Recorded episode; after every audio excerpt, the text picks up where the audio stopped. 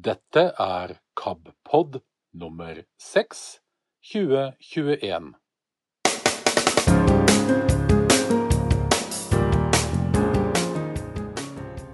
Velkommen til KABpod.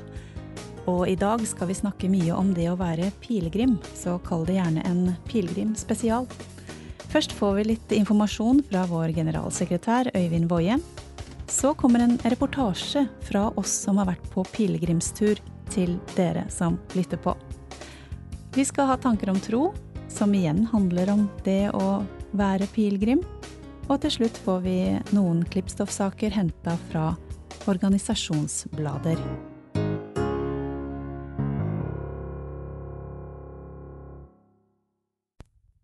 Hei! Vi befinner oss fremdeles i dette merkelige koronaåret, som har satt sitt preg på KAB og andre organisasjoner som jobber for synshemmede, og ja, hele verden og samfunnet rundt oss. Nå får vi håpe at vi er på vei ut av koronaen, slik at vi kan treffes eh, ansikt til ansikt, i tillegg til de fine måtene som vi også kan møtes på digitalt. Vi eh, har hatt ett arrangement i sommer. Det var pilegrimsreise. Og det var en veldig fin tur, som du får høre mer om på denne KAB-podden. Ellers så har vi da avlyst vår barneleir, og vi har avlyst nordisk konferanse, som også skulle være da i høst. Men eh, nå begynner det å nærme seg litt mer normale forhold. Derfor så håper vi på at vi klarer å gjennomføre flere arrangementer denne høsten. Først så skal vi ha et podkastkurs. Det er fra 3. til 5. september. Dette er et kurs som allerede er fulltegnet, og vi har invitert synshemmede til å delta og til å skolere og utvikle seg som podkastere. Så er det kortreist. Kortreist det er et arrangement for hvem som helst som er interessert i KAB. Du trenger ikke være medlem, men du kan godt være det. Og du kan reise kort eller langt for å komme til kortreist. Poenget med kortreist er at vi kommer ut i nærheten av der KAB sine brukere og synshemmede bor. Så vi kommer altså ut og ønsker å møte deg. Disse arrangementene har fått stor støtte fra stiftelsen DAM. Det første kortreiset er i Trondheim fra 17. til 18. september. Her er det kanskje noen få ledige plasser, men jeg anbefaler deg å sette deg opp på venteliste. Så har vi tenkt å reise til Bodø 8. til 10. oktober. Og dette er et arrangement hvor det er mange ledige plasser. Og eh, tenk nå litt fritt og kreativt om dette. Til Bodø så kan folk fra hele Nord-Norge komme, i og med at det er bra med flyplass. Vi dekker eh, reiseutgifter for deg, og det koster bare 500 kroner å være med, og ledsager får komme gratis. Så folk, ja, helt eh, fra det nordlige Trøndelag til Finnmark håper vi skal eh, finne interesse av å komme til Bodø og delta på kortreist. Så er det Bergen fra den 22. til den 23. oktober. Her er det flere ledige plasser. Vi er i Stavanger fra 5. til 6. november. Her er det også ledige plasser, så meld dere på. Og så er vi i Sandefjord fra 12. til 13. november. Og der er det ganske så fullt. Så har vi en ny siste runde i Oslo, og det er fra 3. til 4. desember. Dette er også et ganske fullt arrangement. Men eh, ta og sett dere opp på venteliste. Det kan hende noen melder seg av, og det kan hende vi arrangerer lignende seinere. Og eh, ikke tenk at eh, 'nei, jeg er for gammel til det her', eller 'jeg er for ung til det her'. Vi opplever at folk i alle aldersgrupper kommer til kortreist. Det du får, er en lunsj, så får du vite litt om eh, digitale hjelpemidler for synshemmede. Så får du være med på en veldig fin eh, forestilling med Helga Samset som heter 'En vandring i lys og mørke'. Dette her er helt spesiell forestilling, og det må du få med deg. Og så er det middag og kveldssamling med quiz og småprat. Og på lørdag så starter vi med en god frokost, og så en tanker om tro. En morgenrefleksjon som vi deler. Og så kommer vi til et viktig punkt. Hva kan KAB gjøre for deg? Vi ønsker virkelig å vite hva du ønsker at KAB skal gjøre for deg der hvor du er og du lever. Og så er det lunsj, og så er det avreise. Så et eh, kort og komprimert arrangement med treff med hyggelige folk. Og du tenk ikke på at du må bo i en av disse byene. Bare tenk sånn Ok, jeg bor nærmest Bergen, da har jeg lyst til å reise dit. Eller jeg bor nærmest Stavanger, da velger jeg det. Og f.eks. Stavanger. Tenk helt fra Kristiansand til langt opp mot Bergen for å reise til Stavanger. Og til Bergen også så går det an å tenke seg helt ned til Kristiansand og langt opp på Nordmørekysten. Ehm, tenk på hva som kan passe for deg av disse arrangementene, og ta kontakt med KAB og meld deg på. Og til slutt, litt grann om medlemskap igjen. Jeg har masa fælt på dere om det, men det er viktig å være medlem av KAB. Fordi det viser at vi har medlemmer som har en interesse av at KAB finnes. Medlemskap gir oss statlig støtte. Vi får et tilskudd per medlem. Jo flere medlemmer, jo mer penger til KAB. Og det å være medlem i en interesseorganisasjon viser jo også at eh, KAB eh, har noe å komme med og noe å si. Så kom igjen, da. Er du ikke blitt medlem ennå, så ta kontakt med KAB. Koster 125 kroner per år. Barn under 16 år betaler bare 80 kroner. Og er det flere medlemmer i samme husstand eller familie, så er det også en reduksjon i prisen på det. Og kjenner du noen som du vet bruker KAB, som ikke er medlem, ja, så oppmuntre dem til å bli medlem, da. Det er ikke farligere enn det. Det er både fordeler i forhold til arrangementer, og det er lavere priser på flere ting. Så herved er det sagt nok en gang bli medlem av KAB. Takk for viktig informasjon fra Øyvind Woie. Vi skal over på å lytte til eh, pilegrimene våre som har vært på tur. Og i den forbindelse så vil jeg kort innpå fortelle at jeg, Kari Underland, var også med på den turen, og det blir noe av det siste jeg gjør som ansatt i KAB i denne omgang. Jeg skal dessverre slutte og begynne som lærer. Men bare fra meg, da, vil jeg gjerne si tusen takk til alle jeg har blitt kjent med på disse fem åra. Det har vært veldig, veldig hyggelig og interessant og stort å få følge KAB denne tiden. Nå skal vi på pilegrimsvandring.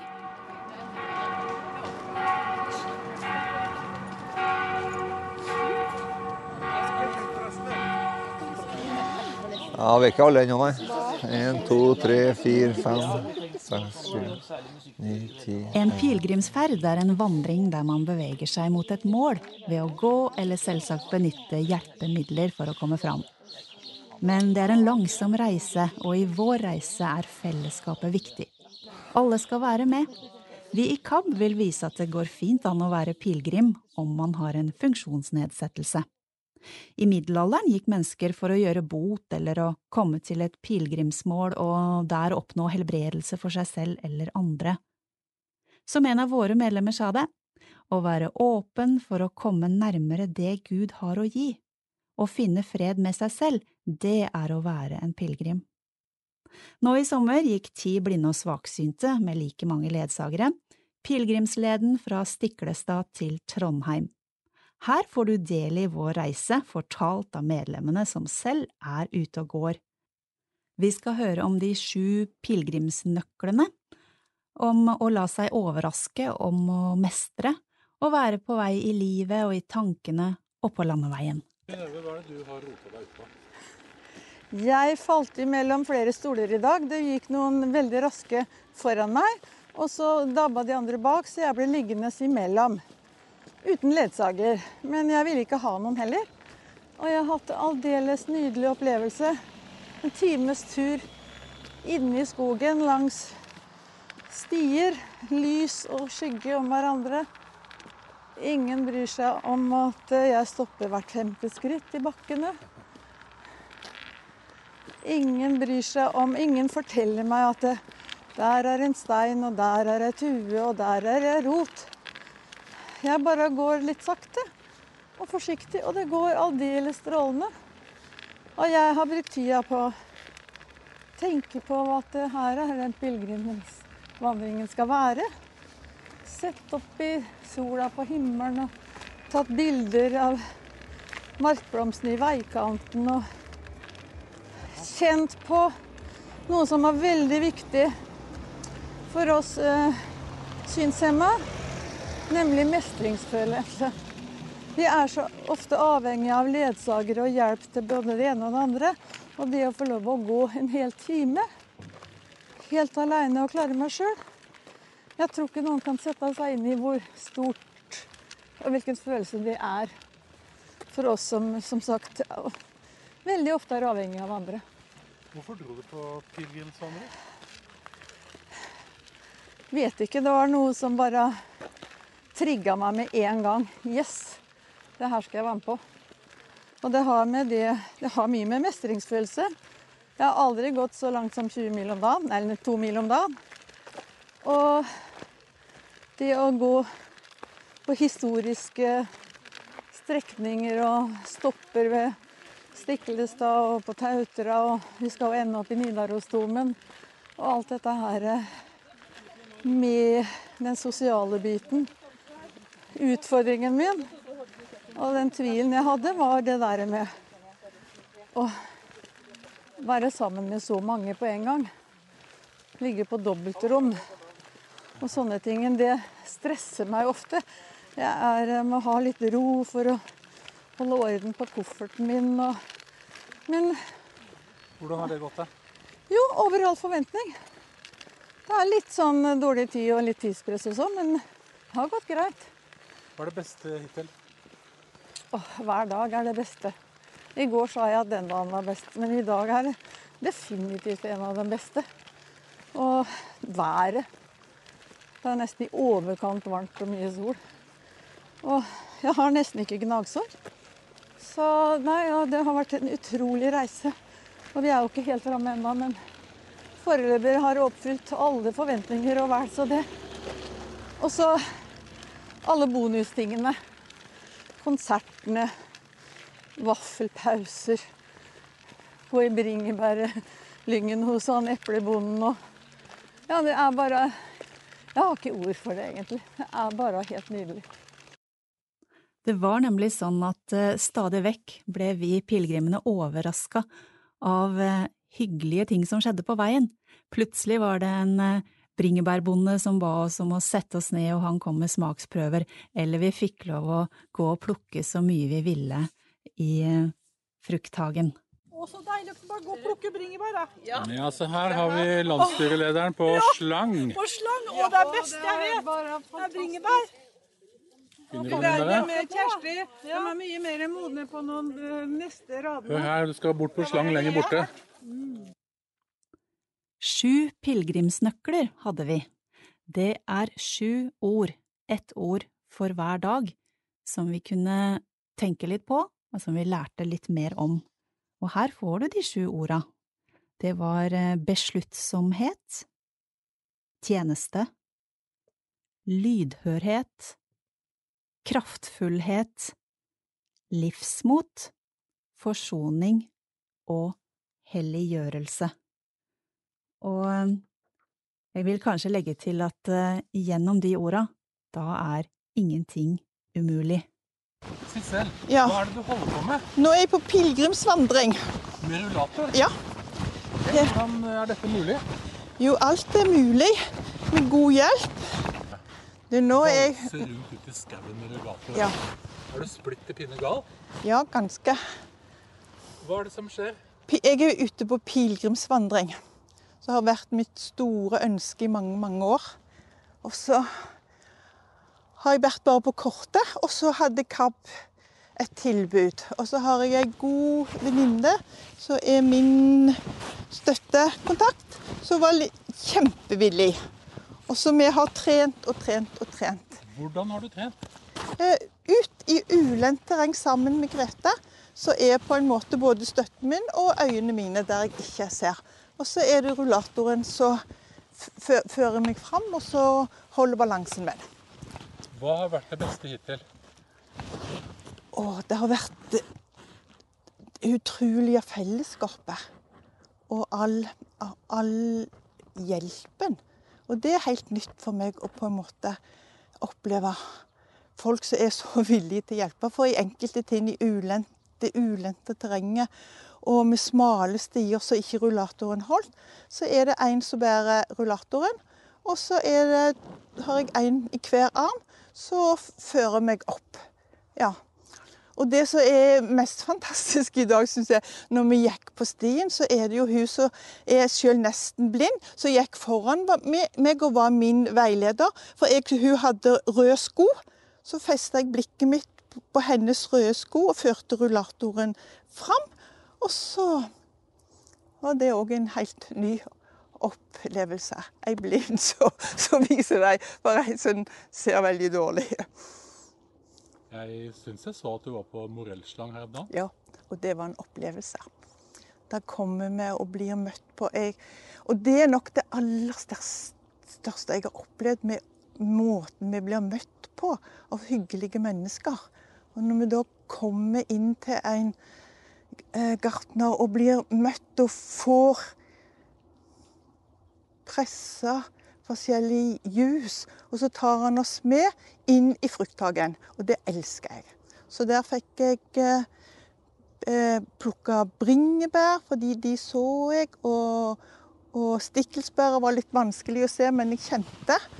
Og så var det eh, eh, moreller som er min store drøm. Og det var det jeg sa, at når jeg dør, så skal jeg leve i himmelen i en frukthage og synge.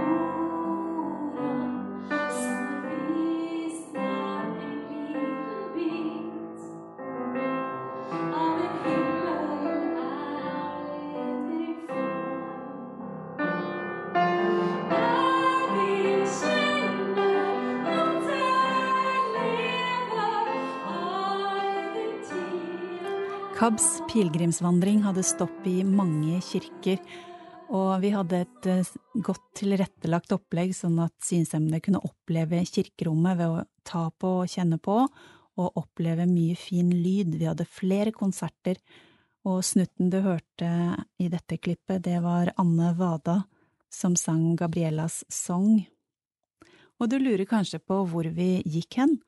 Jeg kan nevne noen navn, kanskje spesielt for deg som er eh, lokalkjent, men i hvert fall, vi starta ved Stiklestad og gikk til Bakketun folkehøgskole. Vi var innom Munkeby, Laberget, Fånesbukta. Vi gikk Frostastien, og vi var på Tautra, og vi tok båt, en eh, damper fra Tautra til eh, Trondheim. Så gikk vi til Nidarosdomen og opplevde Olavsfest i to dager nesten, den 28. og 29. juli.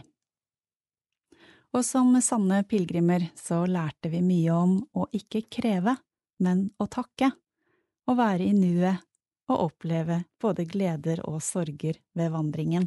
Hei, Nei, hei, Øyvind! Hva i all verden er det du holder på med? Jeg driver og går. jeg er jo med på pilegrimsvandring. Unnskyld. Um, og det er jo å gå, rett og slett. Jeg har fått beskjed om at dette skal være veldig hyggelig. Man skal bare gå i nuet og ikke tenke på noen ting. Men eh, det er varmt. 30 grader. Sol. Ekle insekter. Felles bad. Lite rom. Og jeg tenker på mye greier. Hvorfor, hvorfor har du meldt deg på dette? Fordi at jeg hadde tenkt å gå pilegrimsvandring med min kjære mann og førerhund. Altså, jeg har en førerhund. Men han meldte pass første dag fordi han har en skade i en 3D-pute. Eh, Og Richard, min mann, er lenger foran akkurat nå, for nå har jeg byttet han ut med Kari på KAB. og jeg ville gjerne kjenne på at jeg klarte å gå så langt. For nå har vi liksom gått oss opp i løpet av en måned. Komfortsonen min sier 8 km, liksom. Det er komfort. Men uh, i dag har vi jo gått snart sikkert 13. I dag blir det 20. Og vi blir 20, og vi 19, da vi gikk 19 forleden, så syns jeg det var for langt. Så jeg tenker at det, mestringen, å klare det Jeg har på sånn konkurransebane med meg selv. Bare få det til. Bare gå. Men det er liksom litt sånn Jeg har så slerkete ankler, så jeg tenker på hvert skritt at jeg ikke må trå over. Og det syns jeg er litt slitsomt når jeg ikke kjenner terrenget. Og så vet jeg jo heller ikke hvor bratt bakken er. Hvis vi går opp en bakke, så vet jeg ikke hvor lang den er. Liksom, det er utfordringen min. Men så har vi fått noen gode opplevelser da, med flotte orgelkonserter. Og eh, nydelig fruktdrikke på en gård. Vafler og til og med te i dag, som det ikke var verken til frokost eller i går kveld. Så da var jeg glad. Og vi har vært i naturen.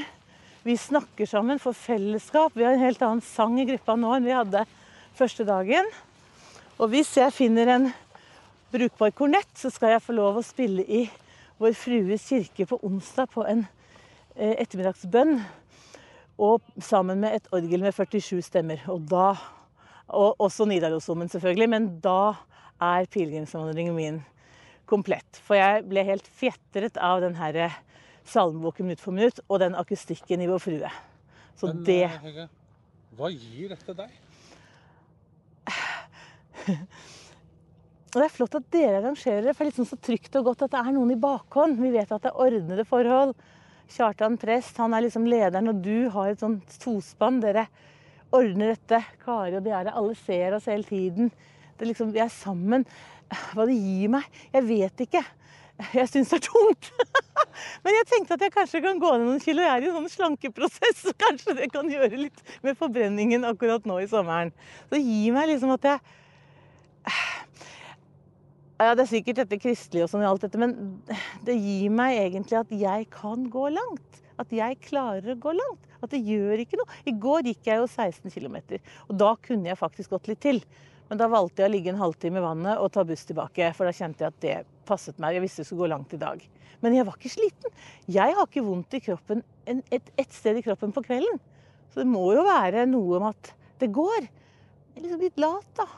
Når hun dro hjem og sånn, og så slitsomt å gå etter noen hele tiden. Som sier 'pass her, sten der'. Opp. Men samtidig så gir det meg noe. vet du. Være i naturen, være sammen med dere. Overraskelsen underveis, folk som roper på oss. Pilegrim, liksom. Hva er det? Jeg vet ikke.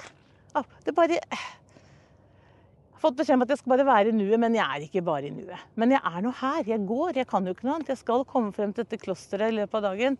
Så vi bare får gå, da. Ja, Dere får bare gå videre, tror jeg. Ja, det er ikke noe annet å gjøre med. videre. Tusen takk, Øyvind. I like måte. God tur.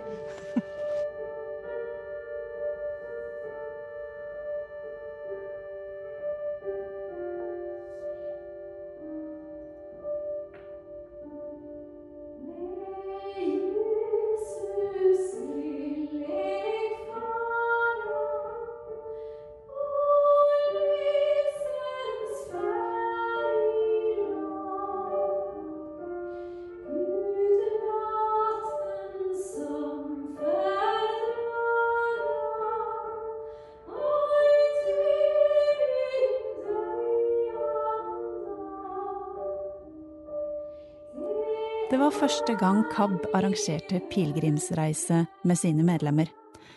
Og det var én person som virkelig hadde gjort alt dette mulig, og det er Kjartan Bergsli, pilegrimsprest i Trondheim. Og så var Odny Furunes Gumer med oss og ga oss gode fortellinger, flere om eh, hellige Olav. Og fra KAB så var det Øyvind Woie, Hilde Løven Gromstad og meg selv, Kari Underland, som var med på turen. Og vi håper å få til en eh, sånn tur igjen, kanskje et annet år. For livet er jo en pilegrimsferd, og som vi lærte på vandringen vår, det er viktigere å være ekte enn perfekte. Nå lar vi Donna få oppsummere litt om sin tur, og før vi hører velsignelsen som vi sang hver dag, den keltiske velsignelsen for pilegrimer. Ja, Donna. Da er vi langt til skogs. Ja, det er så godt. Skygge og stillhet. Har vi hatt en liten eh, drikkepause, så nå fortsetter vi videre. Skal vi prøve på det? Ja. Ja. Det er klart. Da går vi på pilegrimsstien, på Frostastien. Så her er det både pilegrimsvandrere og det er folk som jogger. Noen som har lyst til å jogge her. Eh, Donna, hvordan eh, er det naturen her? Det, har, eh, altså det er utfordrende, så jeg kan ikke gå og tenke på andre ting. Eller så plutselig så ligger en der. Eller så snubler en.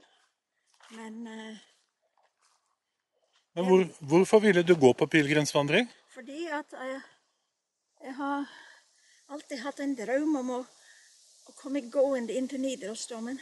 Jeg er veldig, veldig glad i Trondheim. Og Nidarosdomen har gjort så sterkt inntrykk på meg helt fra første gang jeg var i Norge i 1974. Og det har jeg aldri glemt. Nå, og så og så det er det med pilegrimsvandring og, og be om å være åpen for det Gud har å gi. Hva har vært mest utfordrende hittil, syns du? Uh, ja ehm, At jeg har blitt eh, litt mer sårfødt enn det jeg hadde trodd. Men, men um, det går over. Hvor langt, har- hvor langt har vi gått til sammen nå? Hvor langt har du gått til sammen nå, tror du? Uh, skal vi se Ja 70 Noen og 70 kilometer, kanskje? Ja, jeg tror litt lenger enn det. Å ja. Vi Skal vi oss gå en åtte. 85 ikke sammen, iallfall til fots. Ja. Men uh, når det går over flere dager, så er det overkommelig. Selv om jeg kommer eh, fram slitne og helt eh, ør i, i hodet. Og da er det godt med en, en dusj og et godt måltid. Og så legge seg til å sove. ja, hva er egentlig det beste, og hva er gleden ved å gjøre dette her eh, slitet, egentlig? Det er jo at en har en utfordring på en helt annen måte enn vanlig. Og, så, og det å utfordre seg sjøl. Og det å, å være åpen for å komme nærmere det Gud har å gi. Og det å vite at mange, mange, mange har gått foran oss. Og for å nå målet i Nidarosdomen. Og det var kanskje andre grunner eh, før. Mange uh, gikk for å Som botsøvelse.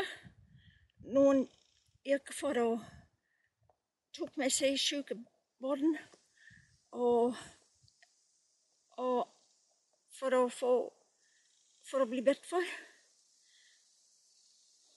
Og kanskje for å, mange for å, bare for å få eh, fred med seg sjøl. Skal vi gå litt videre, da, eller? Ja. Da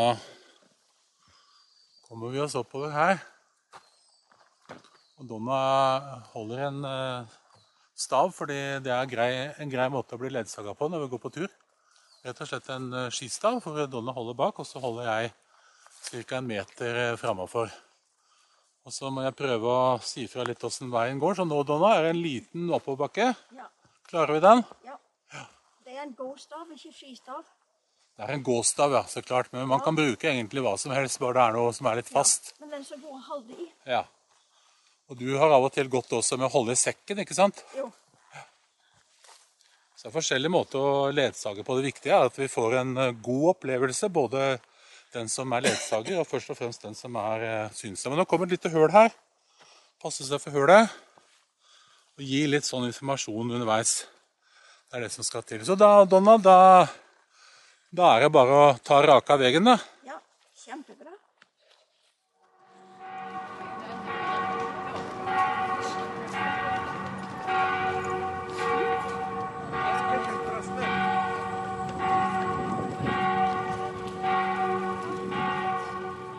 Og så var vi endelig framme ved Nidarosdomen.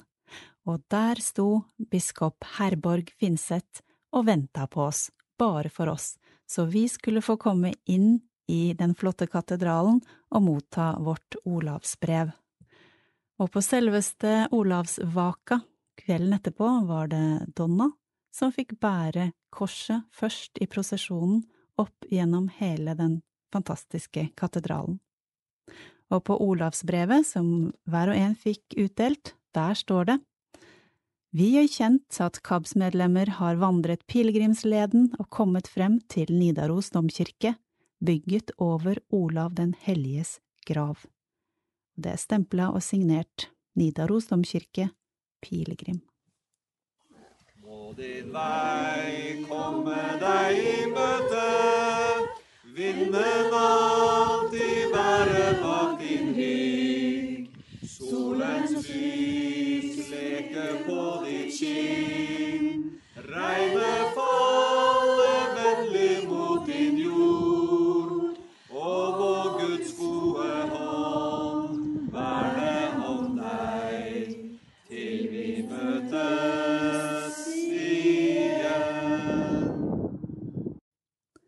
Vi skal ha tanker om tro, og før vi lytter til et utdrag fra en bok, vil jeg bare anbefale en bok av Ulla Kjell som heter Pilegrim langs veien over kjøkkenbordet. Den er en liten og enkel bok å ta tak i, og den er lest inn på KAB. Og Tanker om tro i dag er hentet fra boka Pilegrims liv, en håndbok for vandrere, av Hans Erik Lindstrøm. Og vi skal høre kapittelet som heter En enkel pilegrims teologi. Og vil du høre hele, så finnes den i KABs lydbibliotek.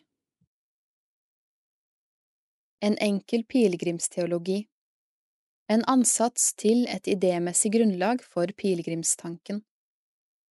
For å lette forståelsen av pilegrimstanken, parentes start, det finnes selvsagt ikke bare én tanke, selve pilegrimsbevegelsen er ut fra sin natur mangefasettert og fri for altfor fastlagte tankesystemer, parentes slutt, har jeg valgt å benytte meg av syv vandringsbegrep.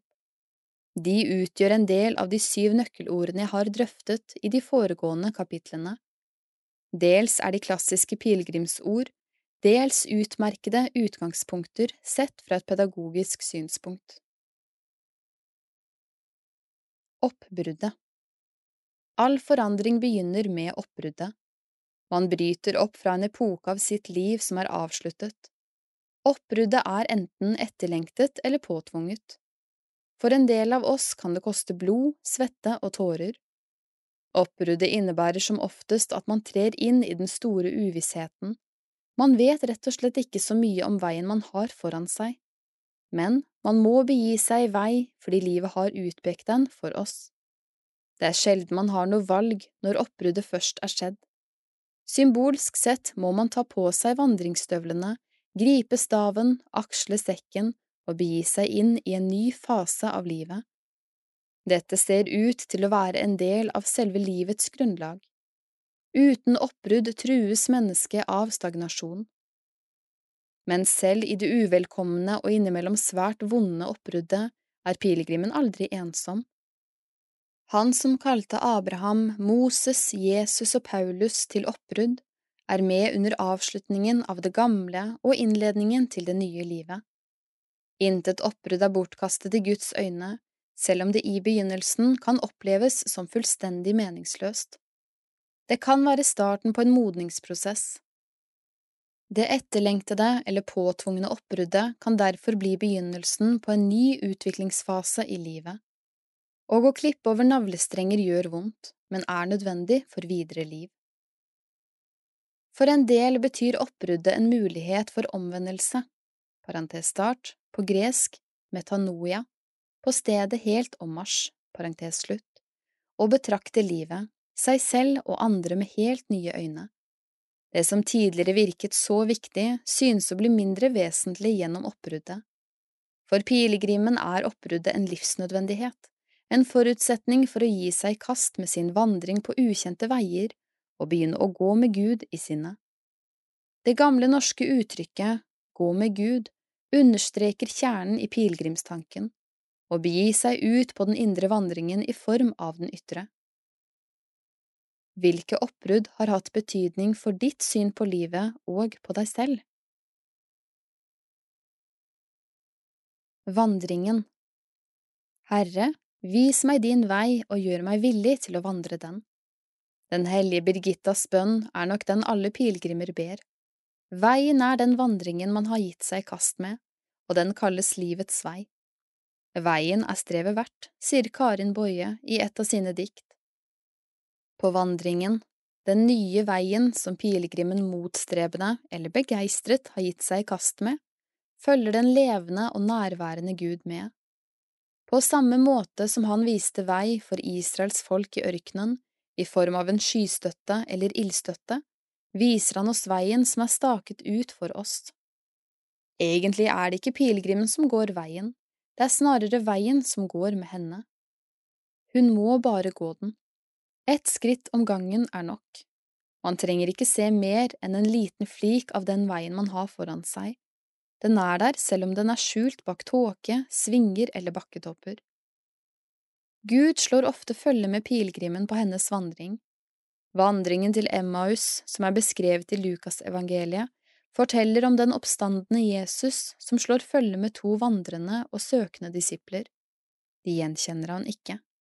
Han vandrer sammen med dem, deltar i samtalen og hviler sammen med dem på rasteplassene. Da han deler brødet med dem, ser de plutselig at det er Jesus selv som går sammen med dem til Emmaus, og deres hjerter brant i dem, det vil si at de ble dypt grepet. Slik er det ofte med pilegrimsvandringen. Plutselig kan den usynlige medvandreren bli fullt synlig for det indre øyet, og opplevelsen av hans nærvær og omsorg under vandringen får hjertet til å brenne den dag i dag. Den som begir seg ut på en ferd mot et pilegrimsmål, må derfor ha veiens betydning klart for seg. Målet er ikke alt. Både fysisk og åndelig gjør veien og vandringen pilegrimen mentalt forberedt på det målet hun etter hvert skal nå. I en moderne pilegrimsteologi må veiens rolle vektlegges. Under den forberedende vandringen kan målet lett miste betydning. På samme måte som livets mål forutsetter en livsvandring, forutsetter et midlertidig pilegrimsmål en vandring. Hva tenker du om veien og målets betydning for pilegrimsvandringen? Rasteplassen Gud hvilte den syvende dagen. Etter å ha utført noen skikkelige dagsverk med å skape himmel og jord, tillot skaperen seg å være uproduktiv og ta det med ro. Menneskets behov for hvile i den slitsomme hverdagen virker uendelig. Det har i økende grad blitt en stor kunst å gire seg ned mentalt og fysisk, og oppnå indre hvile der man kan slippe tak i alt utenfor seg selv og bare være og hvile. De fleste makter ikke å komme seg så langt ned. Det oppjagede tempoet og den oppdrevne arbeidstakten gjør det nesten umulig å oppnå indre ro selv når man har ferie. Pilegrimen forsøker å lære seg den vanskelige kunsten å bare være. Jesus selv trekker seg gang på gang tilbake til øde steder for å få være i fred, til bønn og stillhet, indre ro og frihet fra alle krav. Mennesket er ikke skapt for stress og urimelige krav. Med jevne mellomrom har det behov for rasteplasser.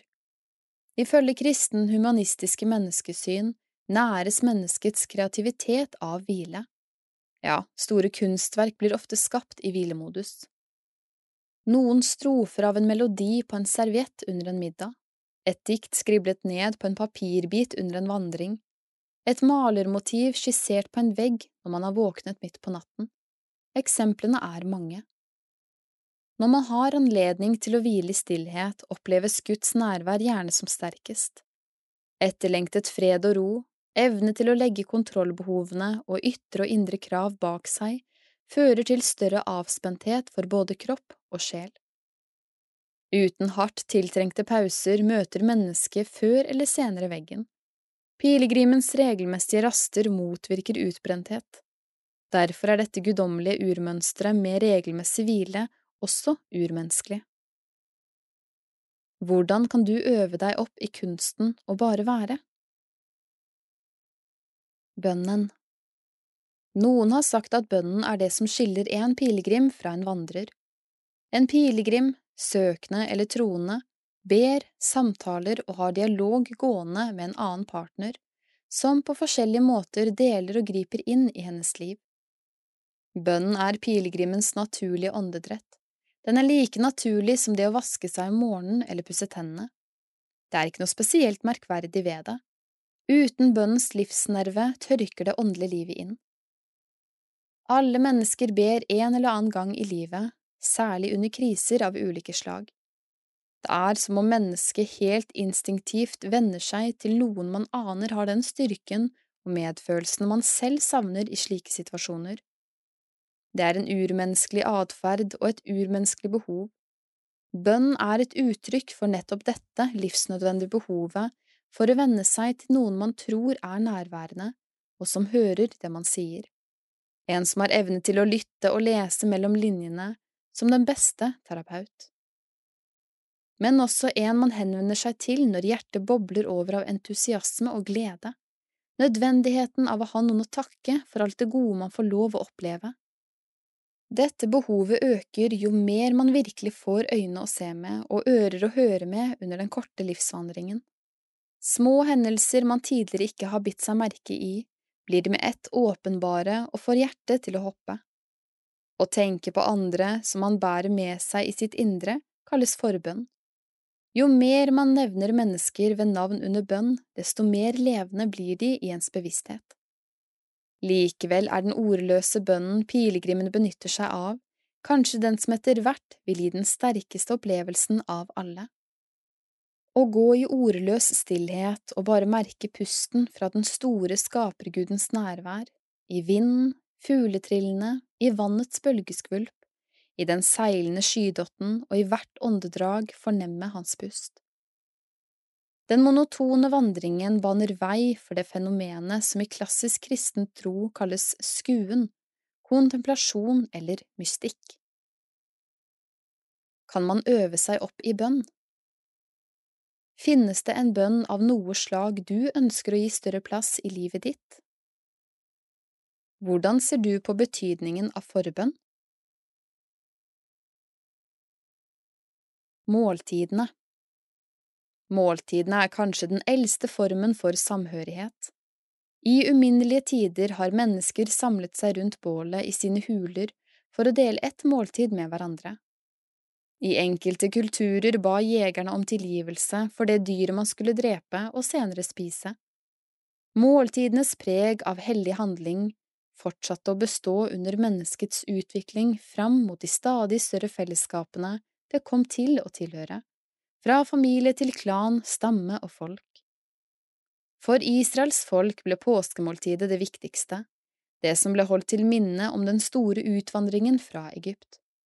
Det stammer med andre ord fra en av historiens største og mektigste folkevandringer. Det samme gjelder den kristne kirke.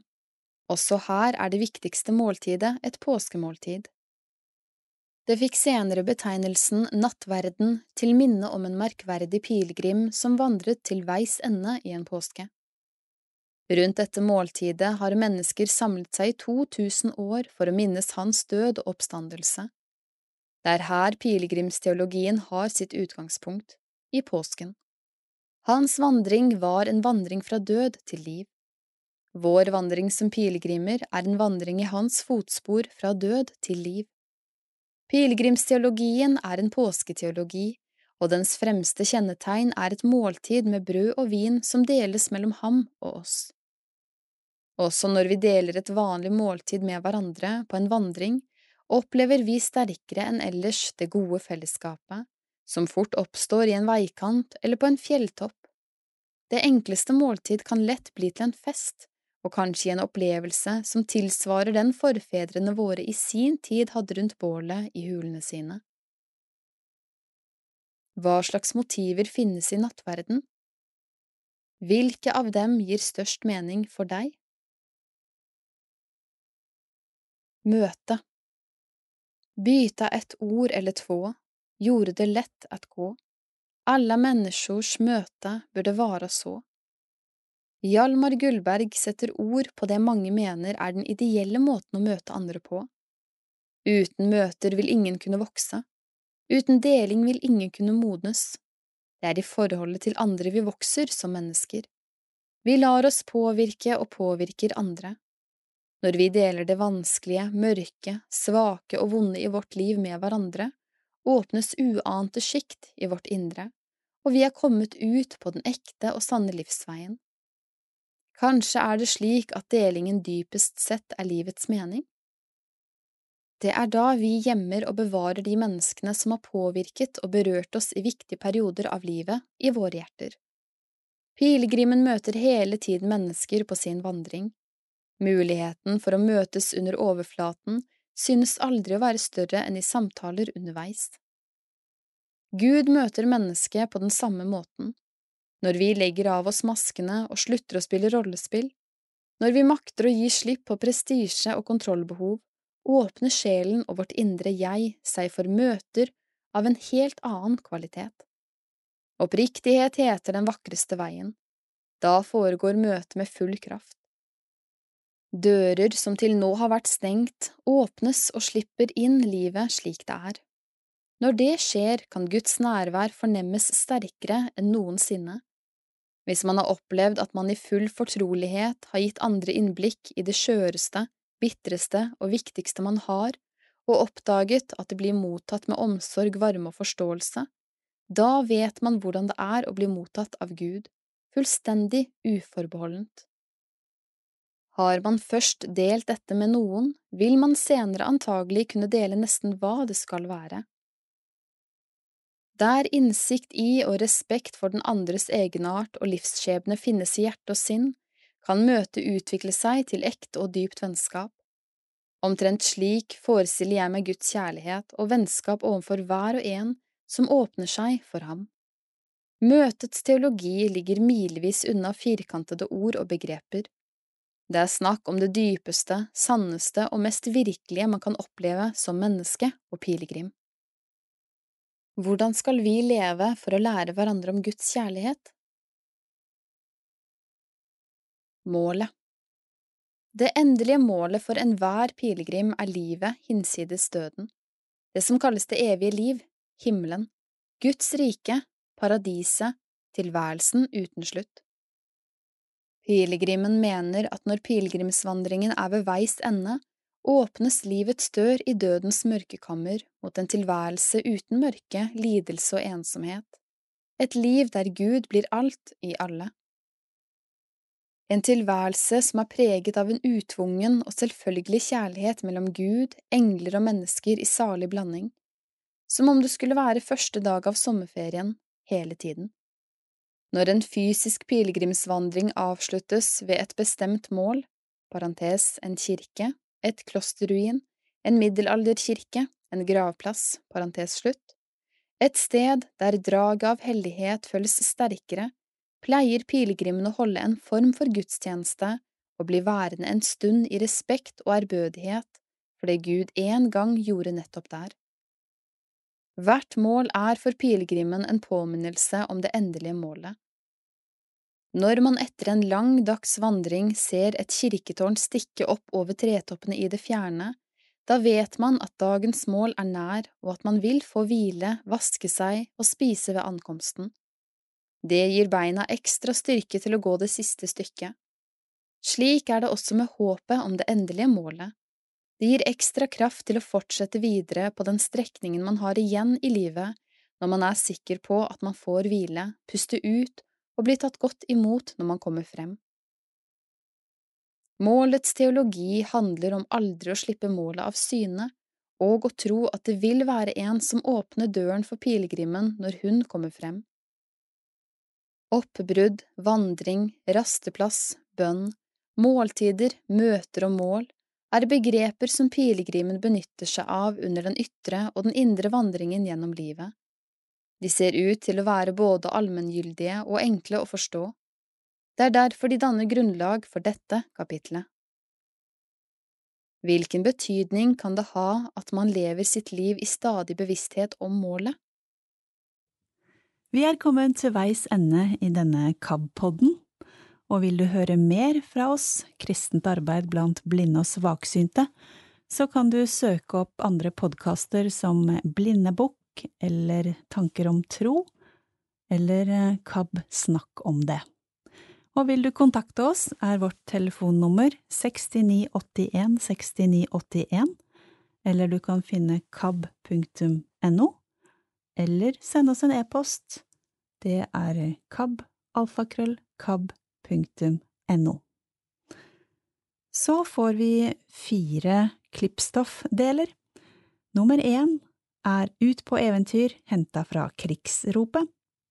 Nummer to Hvor finner du din identitet? fra bladet Først. Nummer tre er en artikkel som heter La din vilje skje, ifra magasinet Strek. Og helt til slutt i dag legger vi ved hele Vårt Land, avisa Vårt Land, som en smakebit du kan lytte til. Og hvis du ønsker avisa Vårt Land på lyd hver dag, så kan du bare ta kontakt med KAB så vil det være mulig å få den lasta ned til enten nettbrett, telefon eller PC. Så får du ha en riktig god dag videre. Jeg heter Kari Underland, takk for nå. Ut på eventyr. Martin Lilleberg har vist Norge at han er en tøffing med rytmen i orden. Tekst Dan Christian Christoffersen. Fakta Martin Lilleberg, 25 år, kommer fra Melhus i Trøndelag, forlovet. Profesjonell danser er også aktiv innen sang, foto og film. Var med i tredje sesong av NRK-serien Norges tøffeste. Snart aktuell i musikalen Mamma Mia på Folketeatret i Oslo. Jeg ser på livet som en stor reise gjennom et stort eventyr, forteller Martin. Mange eventyr har det også blitt for danseren som denne våren deltok i tredje sesong av NRK-serien Norges tøffeste. Det populære reality-programmet ble fulgt av hele 800 000 seere i snitt hver uke, og gjennom ni episoder på en nedlagt oljeplattform i Trondheim kjempet den unge trønderen i en rekke spektakulære øvelser og ble pushet hardt, både mentalt og fysisk. Samtidig introduserte han bordvers med O du som etter liten fugl for de tøffe konkurrentene, som blant annet inkluderte en dødser, en fisker, en kampsportutøver og personlige trenere, og fortalte seerne at troen på Gud var fundamentet i livet hans. Martin meldte seg faktisk ikke selv på programmet, men ble derimot invitert til audition da castingansvarlig fikk høre om ham gjennom en felles bekjent. Så eventyrlysten som jeg er, så var jeg heller ikke vanskelig å be, ler han. Tøff danser Martin bor på Torshov i Oslo, men vokste opp i lille Melhus sør for Trondheim. I en aktiv idrettsfamilie som gjerne tok en treningsøkt før julaftengudstjenesten i kirka, selv om fotball og håndball var favorittidrettene, oppdaget han etter hvert at dans gjorde det mulig å kombinere to av de tingene han likte aller best i livet, nemlig fysisk aktivitet og musikk. Dans er også veldig brukervennlig i forhold til andre aktiviteter. Man får en ganske generell kroppslig kompetanse og blir kjent med kroppens ulike bevegelsesmønstre, forklarer Martin. Det ble synlig under diverse øvelser i Norges tøffeste, som da han i lynraskt tempo klatret opp en svimlende 43 meter høy silo. Utholdenheten ble også prøvet da deltakerne måtte gjennomgå en slags minikorsfestelse, som innebar å henge lengst mulig på en påle med en stang på tvers. Martins spøkefulle respons i kamera var Jeg er jo kristen, og hele livet har jeg hørt om han som hang på korset, så jeg kan relatere litt. Hvordan føltes det å henge på pollen? Jeg trodde jeg kom til å ryke tidlig i øvelsen, for det tok ikke mange minutter før det gjorde vondt. Samtidig var det slik at førstemann som ga seg, røk ut, og det var helt uaktuelt å dra hjem igjen, forteller han. Heldigvis fant jeg en stilling som fungerte, og så at flere av de andre ga seg. Danseren, som også har vært i patrulje- og skarpskyttertroppen i Garden, var ikke ukjent med smerte og gikk seirende ut av øvelsen. Han forteller samtidig at noe av det mest krevende under oppholdet var å skulle befinne seg i en usikker tilstand over lang tid. Boforholdene var kummerlige, og ingen visste hva klokka var. Matinntak og antall timer med søvn sank betraktelig. Man ble tatt ut av sin vante verden og i stedet puttet inn i en verden som programmet hadde skapt, hvor de bestemte når vi fikk mat, når vi fikk sove, når vi fikk konkurrere og når vi fikk hvile. Man bare levde, man bare var, forklarer han. Så kunne det plutselig skje noe, og det kunne være alt fra å sitte i ro til å hoppe fra et tak. Etter flere uker med krevende øvelser måtte Martin til slutt ta telling og endte på femteplass. Skuffelsen over å ryke ut var stor, men etter hvert spiret det frem en takknemlighet for alle opplevelsene. Det var kult å få være med og konkurrere i ni av ti episoder, noe som ikke var noen selvfølge med tanke på alle de dyktige konkurrentene. Jeg fikk vist at jeg har noe å by på. Scene og perspektiver 25-åringen har blitt vant til å by på seg selv. Gjennom hele livet har han sunget i kor både i bedehuset på bygda og sammen med 150 andre barn og unge i Melhus Soul I voksen alder har han vært programleder for Skjærgårds Music and Mission Festival, koreograf og sanger på Soul Children Festival i Oslo, Spektrum, samt konferansier på Crick Explore, kristen idrettskontakt. Jeg liker best når ting skjer, og at det skjer sammen med folk, sier han. For tre år siden ble han innrullert på Bordarakademiet i hovedstaden, tok fordypning innen dans og videreutviklet seg innen stilarter som breakdance, stepping, jazz, moderne og hiphop. I fjor ble han plukket ut som danser til både Stjernekamp og Melodi Grand Prix, og i Oslo er trønderen med i Philadelphia-kirken, hvor han lager koreografier til kirkas juleforestillinger. Så fort jeg ser en scene, så er jeg der med en gang, ler Martin. I forfjor hadde jeg og kjæresten min rollene som Josef og Maria. Har sceneopptredene gjort deg ekstra bevisst på å være en god rollemodell? Da jeg var yngre og deltok på krigsstevner, så jeg opp til lederne som sto på plattformen. Nå har jeg selv blitt en av dem, og vet at det er viktig hvordan man framstår, for det kan bety mye for de unge som sitter i salen, poengterer han. På videregående tok Martin et standpunkt hvor han ble bevisst på at det å være kristen ikke bare er en slags merkelapp, men noe som er viktig for livet. 25-åringen har opparbeidet seg en stødig rytme for bibellesning og bønn. Selv om jeg egentlig ikke er en lesehest, er det viktig å få påfyll gjennom å lese Bibelen, for der står sannheten om livet ditt, og den er den samme uansett hvordan hverdagen fortoner seg, sier han. Vi har flere misjonsreiser som inkluderer både et år i Hongkong med familien og besøk til et lokalt Soul Children-kor i Indonesia. Har melhusingen utvidet horisonten og fått nye perspektiver? Alt det fantastiske og mangfoldige som han har sett, har også styrket troen på at en skaper står bak, en skaper som ønsker relasjon med menneskene. Som menneske svinger følelsesspekteret opp og ned, men troen på Gud er et stødig fundament som vil være godt når du har det godt, og være godt når du har det vondt. Nye muligheter I løpet av sine unge år har Martin fått oppleve mye, og til høsten venter et helt nytt eventyr. Som en av 1200 håpefulle som meldte seg på audition, fikk han rollen som Pepper i musikalen Mamma Mia. Forestillingen har premiere i august på Folketeatret i Oslo, og der skal han, foruten å danse og bedrive akrobatikk, synge sammen med blant andre Kåre Konradi og Ulrikke Brandstorp. Å få hoppe inn på Norges største musikalscene når man selv er helt nyutdannet, ser jeg på som en stor velsignelse. Kontrakten er for et år. Trønderen har en åpen holdning til hva som vil skje i fremtiden. Yrket som frilansdanser er usikkert, men samtidig spennende, for man vet aldri hva som venter rundt neste sving. Som barn kunne man dra på oppdagelsesreis i eget hus og bli helt overrasket over hva som fantes under sofaen, sier Martin. Jeg prøver å bevare litt av den nysgjerrigheten i livet. Ung røst Hvor finner du din identitet? Av Kristine Eidsheim Kristine Eidsheim jobber som informasjonsrådgiver for Åpne dører. Hun har en mastergrad i religion og mangfold ved Det teologiske fakultetet i Oslo. I 2013 jobbet hun som volontør på Kaspari-senter i Jerusalem. Samfunnet vi lever i er sterkt preget av jaget etter å finne seg selv, finne sin identitet. Hvem er jeg? Hvem ønsker jeg å være?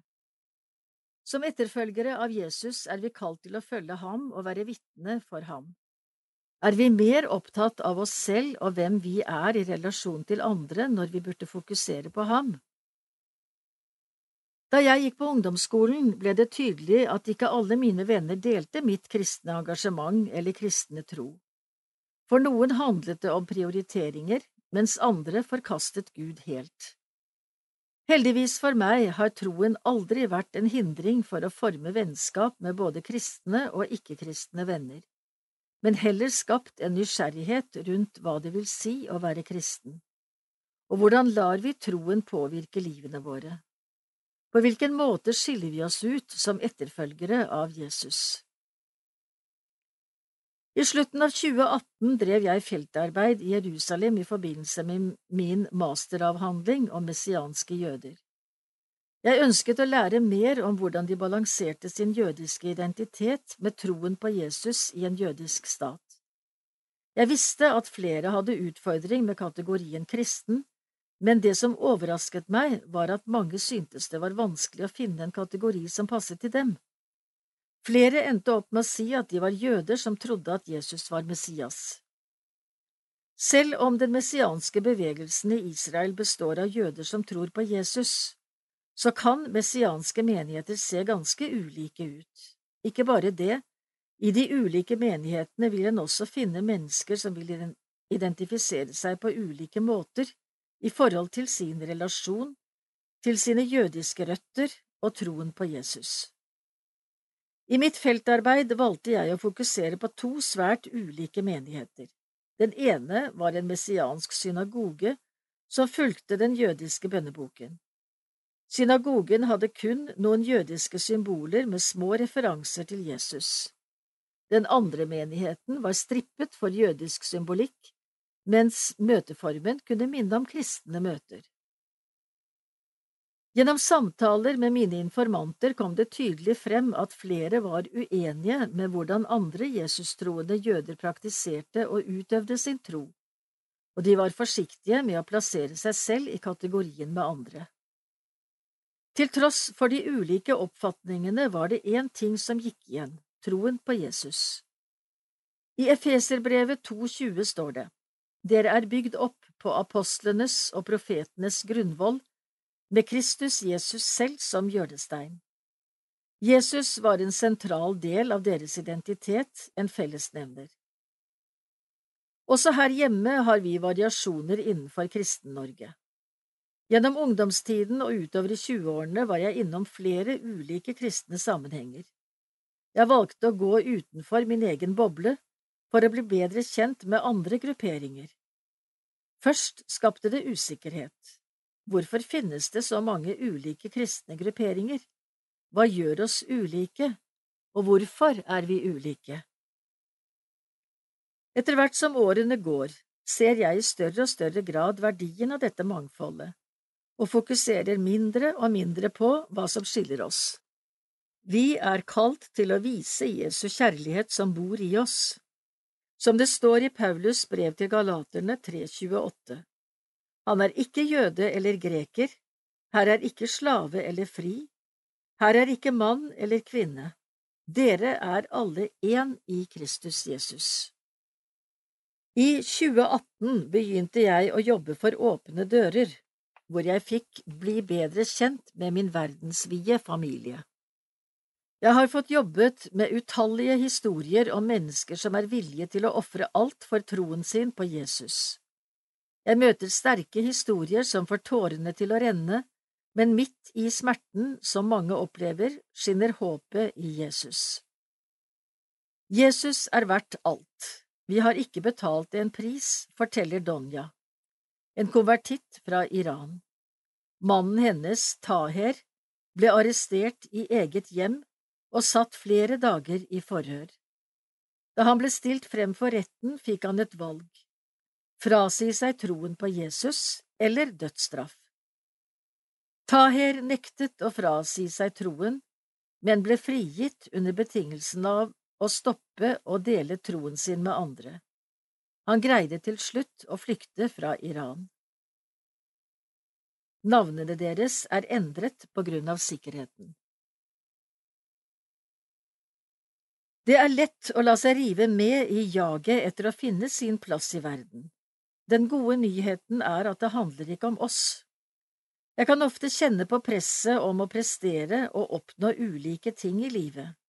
Samtidig må jeg minne meg selv om Han som har kommet og tatt på seg mine synder og satt meg fri. Da Taher fra Iran tok valget om å følge Jesus, sa han, Det var som om byrdene ble tatt bort fra mine skuldre. Møtene med messianske jøder og forfulgte kristne fortsetter å bringe inn perspektiver i mitt trosliv, noe som stadig gir meg en større lengsel etter å bli bedre kjent med Jesus. Jeg er ikke lenger like opptatt av kategorien kristen eller hvilken kategori jeg tilhører. For meg handler det om hva jeg ønsker å bygge livet mitt på. Min identitet er i Jesus, å være en etterfølger av ham. Da handler det ikke lenger om hvem jeg er, men hvem han er. Gjenskinn, side 57 Tekst Alva Dahl Oversatt av Live Lund Alva Dahl, født 1985, er språkviter, forfatter og oversetter. Har gitt ut romanen Lengtans fløde, og er aktuell med boken Slå rot i forvandlingen om Gunhild Valquist. La din vilje skje. Det trengs et helt liv for å vokse inn i denne bønnen. Samtidig er det feilslått å tro oss i stand til å gjennomskue Guds vilje. En overskyet lørdagsmorgen, bare noen dager før pandemien begynner å overskygge alt annet i nyhetsstrømmen, scroller jeg gjennom overskriftene og fester meg ved en tilsynelatende harmløs artikkel. Noen forskere har ringt til 501 svensker for å spørre dem hva de anser som meningen med livet. Blant svarene som løftes fram, finnes helse, nytelse, barn, venner, arbeid og reiser, men også mer immaterielle verdier, å ta ansvar i samfunnet, å realisere seg selv og ha en gudstro. Det er jo ikke merkelig at vi blir glade av å tenke på slike ting, at vi fantaserer og trakter etter dem, men utgjør de virkelig meningen med livet? Hva skal vi i så fall si om et liv uten nytelse og velstand, et barnløst liv, et liv i sykdom, et liv som misbrukes og blir gjort skade på av andre, et urealisert liv, et liv der troen brister. Ganske mange mennesker i verden ville kunne krysse av for samtlige av disse nederlagene, og flere til. Ikke så få av dem har blitt helgenkåret. Enda flere har blitt elskede romanfigurer og diktere, jeg. Psykiatriprofessoren og holocaust-overleveren Viktor Frankels mest berømte bok bar tittelen Livet må ha mening. Innebar det at Frankel gikk med på å kalle prestisjefattige og motgangsfylte liv for meningsløse? Neppe. Det Frankel snakket om, var jo nettopp den meningsopplevelsen, om du vil, som visse mennesker vitner om at de har erfart også i den dypeste nød. Det rører ved en hemmelighetsfull erfaring som ikke så lett lar seg gripe og som ikke kan skrives inn i noen karriereplan. Når jeg støter på den tyske originaltittelen på Frankels bok, lyder den også litt annerledes enn på svensk. Trotzdem ja som leben sagen, det vil si å likevel si ja til livet. Et trassig ja med tre innledende punkter som jeg tenker representerer konsentrasjonsleirens ufattelige ondskap, vold og fornedring, men også den ubegripelige tomheten vi alle har i våre liv. Denne tomheten må vi kanskje akseptere, inntil vi muligens får nåden til å erfare selve livet som meningsfullt, uavhengig av hvordan det fortoner seg eller kategoriseres, uavhengig av hva vi blir utsatt for lykkes med eller ikke, inntil den nakne erfaringen av å være til som et meningsbærende liv, som en del av en hensiktsfull livsvev blir gitt oss. Jakten på framskritt, som ifølge forskerne i artikkelen preger gjennomsnittssvenskenes meningssøken, har sin motsetning i Jesus Kristus. Han lot sitt liv på jorden avsluttes med fullstendig nederlag På denne måten forente han sin egen skjebne med skjebnen til alle plagede, fornedrede, barnløse, syke, dødsdømte, forlatte og motløse. Som kristen vil jeg stritte imot når noen krever at livets mening skal formuleres. Jeg vil ta imot livet som en ufortjent gave, og en gåte hvis eventuelle mening jeg aldri kan gjøre krav på å begripe eller vurdere. Tross det vil jeg ta imot den, si ja. La din vilje skje. La din vilje skje. Med min innadvendte legning knytter jeg lett bønnen til mine personlige bekymringer og bestrebelser, og ønsker at Guds vilje skal skje der. Men Jesus fortsetter, på jorden som i himmelen. Utgangspunktet er Guds himmelske liv, og målet dettes spredning, virkning, avbildning på jorda. Mitt lille liv settes inn i sin rette sammenheng jeg er ikke så isolert og ensom som verden kan få meg til å tro. Mitt skjelett består av samme stjernestøv som skjelettet til en fremmede på gaten, og min skjebne henger sammen med skjebnen til ukjente mennesker og dyr på den andre siden av jorden. Åndedrettet fra himmel til jord rammer oss alle. Forskning på menneskers samspill og handlinger viser i hvor stor grad vi fortsatt orienterer oss etter sosiale konvensjoner. At vi skaper og opprettholder slike, er nødvendig for å håndtere tilværelsens utfordringer.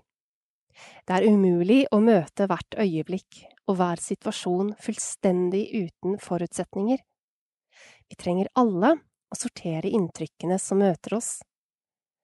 Altså, jeg tar på meg klær som ligner på andres, som ligner på meg, før jeg går ut, for eksempel til legesenteret.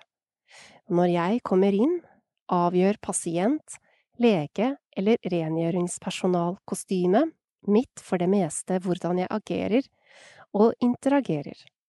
Det er nesten som om jeg fulgte et manus. Fortsetter jeg videre til matbutikken eller banken, er det likedan der. Deretter, hvis jeg har familie, går jeg hjem og handler i overensstemmelse med rollen min som for eksempel pappa, sønn, stemor, søster eller farmor. Likevel er mange kristne nødt til regelmessig å ransake seg selv og spørre seg fulgte jeg Guds vilje der på legesenteret? Kunne jeg se Jesus i butikkmedarbeideren eller kunden i mine nærmeste? Elsket jeg Gud av hele mitt hjerte og min neste som meg selv? Svaret blir oftest nei, og forklaringene kan finnes både i og utenfor konvensjonene. Det er som kjent ikke bare overnaturlig innflytelse og åndelig kamp, men også psykologi og biologi som påvirker våre handlinger. Vennlighet kan forklares med frykt, aggressivitet med lavt blodsukker, hvor kommer da den frie viljen inn? Synsbekjennelsen kan ses som en radikal protest mot mønsterets makt. Vi insisterer på at vi tross alt har et personlig ansvar, og på at Gud virkelig kan og vil hjelpe oss å springe fram mot menneskelige murer, storme over sosiale skillelinjer, med Hans kjærlighet som vårt eneste verktøy. Og vi insisterer også på at de tross alt ikke bare står i varig relasjon til andre mennesker og hele skaperverket, men dessuten til vår skaper. Men ettersom vi er så innflettet i hverandre, burde vi ikke også utøve en felles ransakelse av vår måte å leve på? Vi trenger å lytte til hverandre for sammen å bevege oss mot vårt egentlige mål. Når oppvåkningen er på sitt mest gjennomgripende, lyder de indre og de ytre stemmene i samklang. Hvordan kan en slik felles ransakelse formuleres uten å bli moralistisk? I den franske filosofen og mystikeren Simone Weils betraktning over Fader vår fremhever hun viktigheten av å be La din vilje skje, i den hensikt å påvirke, ikke Guds fremgangsmåte, men vår egen innstilling. Slik sikter vi mot å oppgi alle våre egne ønsker, til og med ønsket om evig liv, og ta imot alt som skjer som Guds vilje. Det høres ut som å likevel si ja til livet. Weil skriver om skuffelser, nederlag og ydmykelser, men også om den ufortjente lykken som kan ta korsets form. Også våre 15 minutter med berømmelse og byrdene de fører med seg av ansvar og plikter, må vi laste opp på ryggen når de blir oss til del. Hvilken vei til Guds rike som er kortest, den vellykkedes eller den mislykkedes, beror helt på Hans vilje med oss, en vilje som det ville være feilslått å tro seg i stand til å gjennomskue. Viljen er din, jeg er din. Når den hellige Frans av Assisi mediterer over verset La din vilje skje, betoner han den bedenes overgivelse til Guds kjærlighet. At vi må elske deg av hele vårt hjerte, ved alltid å tenke på deg, ved å lengte etter deg av hele vår sjel, ved å lede alle våre ønsker til deg av hele vårt sinn, ved i alt å søke din ære og av all vår makt bruke våre krefter og sjelens og legemets sanser til lydighet mot din kjærlighet, og ikke til noe annet. Og elske vår neste som oss selv, ved å trekke alle til din kjærlighet av all kraft, og glede oss over andres goder, like som over våre egne, og ha medfølelse med dem når de lider ondt, og ikke krenke noen. Å be om at Guds vilje skal skje, er å forkaste verdens misoppfatning om at livet burde bestå av en rekke triumfer og for et øyeblikk stille oss litt på siden av den sosiale konkurransen, som vi naturligvis knapt kan unngå å være innsyltet i. Sukke over hvordan vi rives med av alt det der. Er det i det hele tatt mulig å be på denne måten? Forfatteren, byrådslederen og senere postbudet Greta Hofsen, som må ha vært like samvittighetsfull som Weil, ser ofte ut til å ha tvilt på sin egen bønn, men sjelden på Herrens. Gud selv sier ja til sin vilje i meg. Et eneste ja, som er helt tilstrekkelig, i og gjennom Kristus. Selv sier jeg tusen ganger nei, sier aldri annet enn nei. Jeg er redd det kommer til å forbli slik. Denne dagboksbetraktningen munner litt etter litt ut i en bønn med et utgangspunkt så langt ifra den artikkelen om meningen med livet som jeg kan tenke meg. Fader, se meg, nevn meg ved navn, kall meg ut av meg selv, dra meg dit jeg selv ikke klarer å gå, til deg, må det skje. Og du svarer, skjult for deg, skjer det. La din vilje skje er overgivelsens bønn, der jeg inntar min rette plass som et pust av tilbedelse i et univers der jeg og mine bedrifter ikke er sentrum, men du og dine vidunderlige, ufattelige verk. Noe sånt krever modenhet.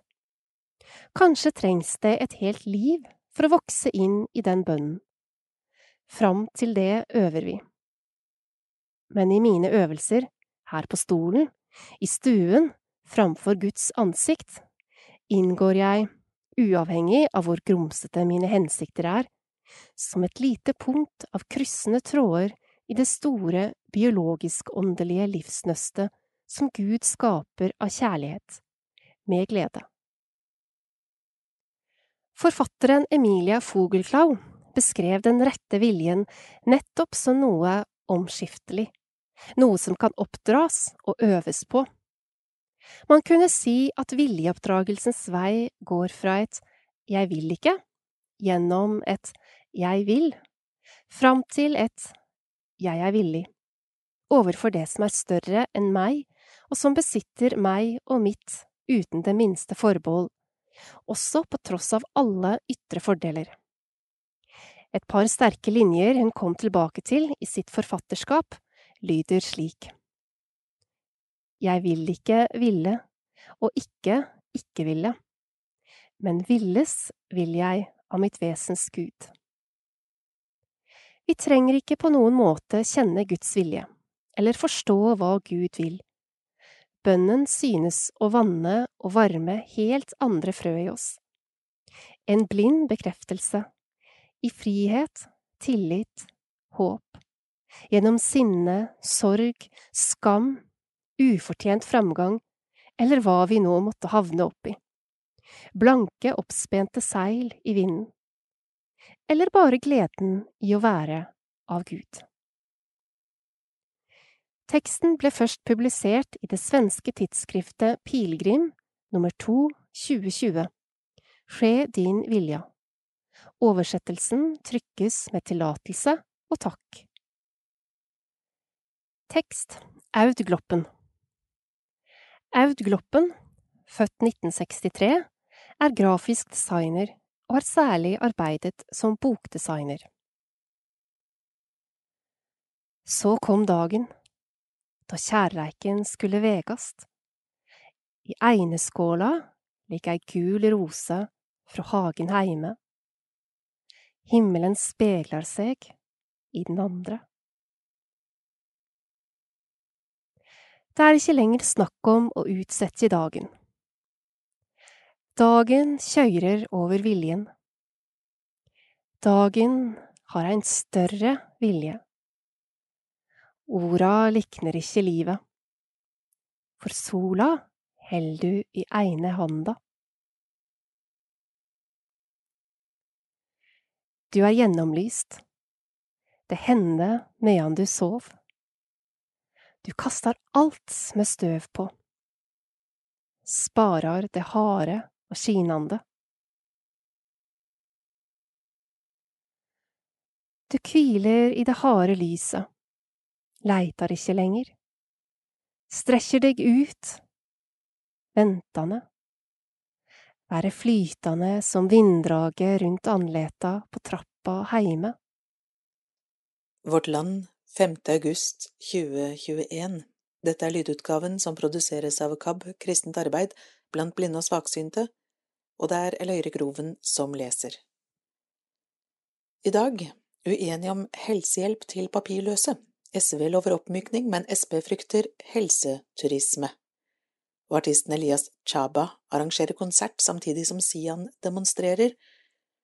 Og en rapport viser at en av fire pedofilimistenkte er prester. Ansvarlig redaktør er Bjørn Kristoffer Bore. Leier Pandemien er ikke over. Onsdag førre veke held statsminister Erna Solberg og helseminister Bent Høie pressekonferanse, der de presenterte oppdaterte planer for gjenåpning av Norge. Der ble det klart at ei vurdering om vi kan gå til trinn fire i gjenåpningsplanen, først vil skje i midten av august. Grunngjevinga er at flere europeiske land har urovekkende utvikling i smittetall på grunn av den mye omtalte delta-varianten av koronaviruset. Det gir spesielt grunn til uro at denne auken i smittetall skjer i land med høyere vaksinasjonsdekning enn i Norge. Positiv prioritering Solberg og Høie grunngjev den utsatte gjenåpninga med at skolestarten må få bli så normal som mulig. Det er klokt av regjeringa å legge opp til at skolene, universitetene og høgskolene kan starte året på grønt nivå. Det er viktig prioritering, etter alle restriksjonene lærere, elever og foreldre har måttet leve med det siste halvannet året. Det er også positivt at barn og unge under 18 år stort sett blir unntatt plikt til smittekarantene etter 16. august. Pandemien og smitten vil holde fram med å være i samfunnet vårt i lang tid framover. Bent Høie sier at samfunnet må være forberedt på at vaksinerte blir både syke og dør som følge av viruset, også framover. Helseministeren legger ei realistisk tilnærming til grunn ved å si at regjeringa ikke kommer til å ha en nullvisjon knytta til smitte og risiko i samfunnet. Stor effekt Sjøl om pandemien ikke er over ennå, er det grunn til å glede seg over signalet fra helsedirektør Bjørn Gullvåg, som sier at det sitter langt inne å foreslå nye tiltak nasjonalt. Det kan henge sammen med de gode erfaringene britiske styresmakter har gjort seg etter at de oppheva alle restriksjonene 19. juli i år. I Storbritannia tyder mye på at smittetallene er over toppen, noe som styrker trua på at vaksineringa har stor effekt.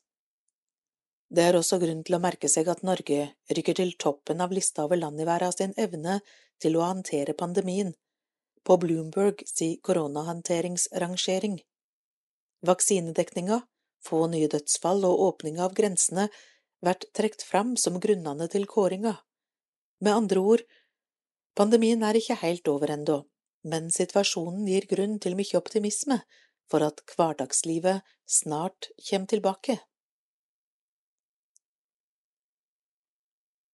Kommentar Ved Vårt Lands sommergjest Mari Saltkjell, sogneprest i Sørvågsøy når kommer julegaven du lovet Høie?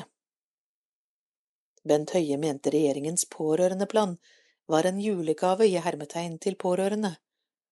Som mor til et kronisk sykt barn har jeg til gode å møte noen i helsevesenet som kjenner den. Når kan vi pårørende forvente å åpne julegaven? I natt sluttet sønnen min å puste. Klokka var 03.16 og jeg våknet med et rykk. Kroppen vet hva den skal gjøre før jeg egentlig er våken nok til å kunne forstå. Stille, men raskt, mot soverommet hans, ikke vekke lillesøster. Mobilen er i handen selv om jeg ikke kan huske at jeg har tatt den med. Etterpå setter jeg meg i stuen med en kopp kaffe. Kroppen er full av adrenalin, og det er vanskelig å sove videre. Om noen timer starter en ny hverdag likevel.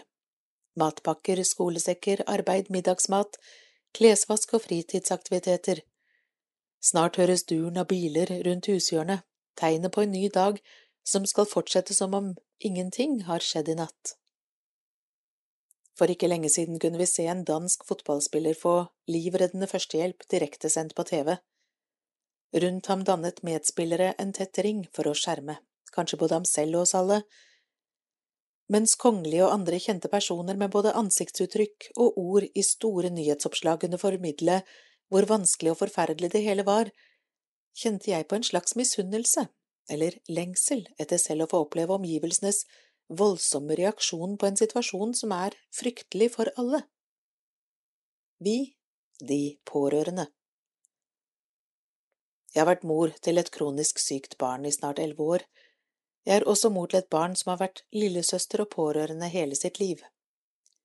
Jeg skal stå i omfattende pleie- og omsorgsoppgaver i mange år til, som omsorgsperson for et sykt barn og for et barn som er pårørende, deler jeg livsvilkår med mange av de rundt 800 000 mennesker som regnes som pårørende i Norge. Pårørende utfører til sammen rundt 136 000 årsverk, sammenlignet med den kommunale omsorgstjenesten som utfører rundt 142 000 årsverk. Flertallet av de pårørende forteller om dårligere helse enn før de ble pårørende. De forteller om følelsen av å være på vakt hele tiden, om søvnproblemer og stress på grunn av for stor omsorgsbelastning. Regjeringens strategi Regjeringens pårørendestrategi for 2021 til 2025 har tre definerte hovedmål. Det første målet handler om å anerkjenne pårørende som ressurs. Det andre målet handler om å gi rammer for god og helhetlig ivaretagelse av alle pårørende, slik at pårørende kan leve gode, egne liv og kombinere pårørenderollen med utdanning og arbeid. Det tredje målet handler om at ingen barn skal måtte ta omsorgsansvar for familie eller andre. I planen kan vi lese om målsetninger og tiltak som sammenhengende tjenester for barn og familier med behov for sammensatte tjenester, ivareta pårørende, herunder mindreårige barn og søsken, gjennom hele pakkeforløpet. Regjeringen ønsker at samfunnet og tjenesten i større grad både ser og ivaretar hele familien når et familiemedlem opplever alvorlig sykdom, funksjonsnedsettelser eller rusproblemer, eller når et familiemedlem dør. Kollektiv anerkjennelse Da jeg tilfeldigvis ble kjent med regjeringens pårørendestrategi for 2021 til 2025, ble jeg overrasket over hvor viktig den var for meg. Jeg følte det som et politisk grep for å gi meg og familien min og alle andre pårørende som strever, et lag av kamerater som slår ring rundt oss, som en kollektiv anerkjennelse, et slags samfunnets nyhetsoppslag som ser og bekrefter at familier som opplever sykdom, kan ha det mye vanskeligere enn de burde ha. Derfor er jeg blitt så overrasket når jeg har fulgt sønnen min til behandling og spurt om strategien og hvordan de arbeider med den. I løpet av det siste halvåret har vi vært på flere avdelinger ved to av landets universitetssykehus. Det gjelder også sentralsykehuset og sykehuset i distriktet der vi bor. Jeg har spurt flere forskjellige yrkesgrupper, fysioterapeuter, lærere og pedagoger på sykehusskolen, leger, sykepleiere og hjelpepleiere. Ingen har hørt om regjeringens pårørendestrategi for 2021 til 2025. Kan dette være tilfeldig? En gavepakke? spørsmålstegn. Helse- og omsorgsminister Bent Høie har selv omtalt regjeringens pårørendestrategi som en julegave. Et halvt år inn i planperioden lurer jeg på følgende, burde ikke heller implementeringen av strategiplanen være regjeringens gave til oss pårørende? Mitt spørsmål til Bent Høie, Kjell Ingolf Ropstad, Abid Q. Raja, Henrik Asheim og Nikolai Astrup er derfor hvordan går det med implementeringen av pårørendestrategiplanen for 2021 til 2025? Når kan vi pårørende forvente å få åpne opp julegaven dere ga oss? Jeg er en del av en liten familie med store utfordringer og behov.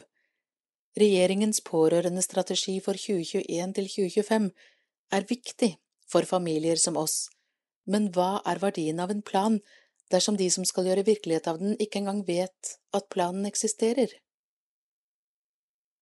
Da blir det nyheter, og vi skal til uenighet rundt papirløse. Rød-grønn uenighet om helsehjelp til papirløse av Idun Kjøl Vik. Helsepersonell betaler selv for helsehjelp til papirløse migranter. SV lover å styrke helsehjelpen. Senterpartiet frykter helseturisme om rettigheter utvides. SV vil at personer uten opphold i Norge skal ha rett på samme helsehjelp som resten av befolkningen. Senterpartiet og Arbeiderpartiet vil evaluere først dagens praksis, før de kan si hvilke endringer som må til. Disse partiene bestemmer potensielt skjebnen til tusenvis av papirløse migranter i Norge dersom de havner i regjering til høsten. Vårt Land skrev lørdag at helsepersonell bruker egne penger for å hjelpe papirløse migranter som trenger helsehjelp. Det kommer fram i en ny Fafo-rapport. Rapporten viser at ansatte i det offentlige blir satt i en skvis mellom nasjonal innvandringspolitikk og egen yrkesetikk. Dagens regelverk avgrenser helsehjelpen som kan ytes til papirløse, mens yrkesetikken tilsier at alle har rett på hjelpen de trenger. Hva vil en eventuell ny regjering gjøre med papirløses rettigheter om de skal styre landet etter valget? Rød-grønn uenighet Tidligere i år gikk de rød-grønne partiene på Stortinget sammen om å evaluere forskriften om helsetjenester til personer uten fast opphold og gjøre nødvendige endringer slik at helsetilbudet til sårbare grupper er på linje med tilbudet til befolkningen for øvrig. SV og Senterpartiet mente at denne evalueringen skulle sikre at sårbare grupper skulle få samme helsetilbud som deg og meg. Ap avviser derimot at det felles forslaget betyr at disse skal få samme helsehjelp som folk flest. Forslaget ble nedstemt av regjeringspartiene i Stortinget. Vi flytter oss ikke politisk her, vi ønsker en evaluering som sikrer at dagens forskrift er tydelig nok og fungerer som den skal, sa Hege Haukeland Liadal i Arbeiderpartiet til Vårt Land i mars. En menneskerett SV lover å ta opp de papirløses rettigheter om det blir regjeringsforhandlinger til høsten. Partiet vil kjempe for at de får like rettigheter som alle andre i Norge. Rett til best mulig helsehjelp er en grunnleggende menneskerett. Når myndighetene ikke sørger for at alle i riket har tilgang til det, bryter de menneskerettighetene, mener SVs andrekandidat i Hordaland, Sara Bell. Hun har stor forståelse for at folk som jobber med papirløse migranter, opplever frustrasjon når lovgivningen kolliderer med egen yrkesetikk. Et svik med rette. Er det sannsynlig at dere får gjennomslag for dette dersom dere havner i regjering med Sp og Ap? Vårt største mål er å få gjennomslag for vår politikk, og at velferdsstaten skal være tilgjengelig for alle, ikke bare dem som har oppholdstillatelse, sier Bell, og legger til, i praksis gjør denne politikken at helsepersonell må holde tilbake helsehjelp fra dem som trenger det. At helsepersonell opplever dette som et svik, er med rette. Hun forteller at SV vil gi alle som oppholder seg i Norge lik rett og tilgang på primærhelsetjenester, og sørge for at man vil kunne drive helsearbeid slik som for alle andre. Norges behandling av denne gruppen mennesker er en skamplett. En ny rød-grønn regjering bør ta mål av seg å løse dette. Like rettigheter Senterpartiets innvandringspolitiske talsperson Heidi Greni vil ikke gå like langt som SV. Hun sier at det er viktig å få på plass et program for å sikre rettighetene til ureturnerbare, papirløse migranter men vil ikke åpne for flere rettigheter for alle papirløse i Norge. Greni sier det er en risiko for at man får en økt helseturisme til landet dersom man åpner for fri helsehjelp til alle som oppholder seg i landet, men at det likevel sjelden er et motiv for at personer søker til Norge. Hun understreker at papirløse i dag har rett på akutt helsehjelp og fødselshjelp, som er likt for alle, uansett om du har oppholdstillatelse eller ikke. Det finnes flere eksempler på papirløse som får fødselsregningen med seg hjem fra sykehuset. Selv om de ikke er nødt til å betale regningen i praksis, er det jo et problem at de ikke har rettigheter på papiret. Senterpartiet mener det er en selvfølge at alle skal ha rett til samme fødselsomsorg uten å måtte betale for den selv. Ny plan Senterpartiet er enig med Arbeiderpartiet om at man må evaluere dagens forskrift for å finne ut hva som fungerer og ikke. Dette går jo ikke bare utover papirløse uten rett til helsehjelp, men også helsepersonellet som møter dem. Hvordan skal dere forhindre at helsepersonell blir satt i en situasjon der de opplever at de må betale for papirløses medisiner? Helsepersonell er jo ikke nødt til å betale for papirløse, men jeg kan se at de føler seg moralsk forpliktet til å gjøre det. Her er det også rom for utredninger for å ta hensyn til det helsepersonellet som er satt i en slik skvis, sier Greni. Trygg på helsehjelp Innvandringspolitisk talsperson i Arbeiderpartiet, Masud Gharahkhani, skriver i en SMS til Vårt Land at partiet i det nye programmet sier at praksisen rundt nødvendig helsehjelp til papirløse først skal gjennomgås. Så får man vurdere hva som må gjøres for at rettighetene deres sikres. Gharahkhani påpeker at gravide må få nødvendig oppfølging, og at papirløse med livstruende tilstander ikke må være redde for å kontakte helsevesenet i frykt for å få en faktura i etterkant. Neste sak handler om demonstrasjon og motdemonstrasjon møter Sian med konsert av Ida Helene Benonisen.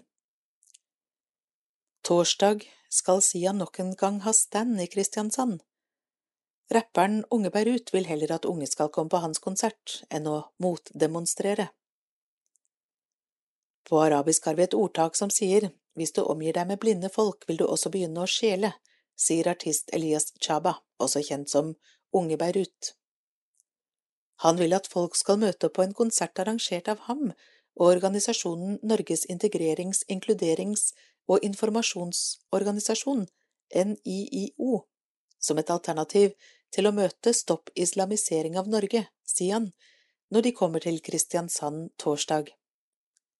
Det er bedre å komme hit og møte positivitet og kjærlighet, sier han.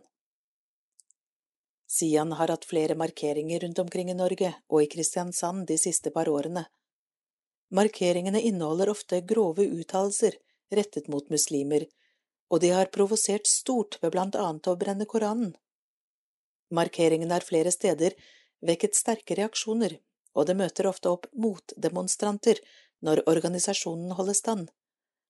Motdemonstrasjonene har tidvis vært hissige og ført til arrestasjoner. Vil ta oppmerksomheten Chaba føler at han, som muslimsk artist, har et spesielt ansvar når det kommer til tematikken rundt Sian og demonstrasjonene. Jeg føler at det er viktig at jeg bruker stemmen min fornuftig og fremmer saker som er viktige, sier han. Rapperen ønsker å styre oppmerksomheten vekk fra Sian og rette den mot noe mer positivt. Vi vil at vår konsert skal få mer oppmerksomhet enn Sian. Når vi møter opp for å motdemonstrere, blir vi lett sinte over det de sier. Det sinnet bruker Sian til å fremmedgjøre oss og få oss til å fremstå som monstre. De vinner mer på det enn det vi gjør, sier han. Chaba forteller at målet hans er at Sian skal få minst mulig oppmerksomhet. Vi vil slå dem ved å lage større overskrifter enn dem, sier han.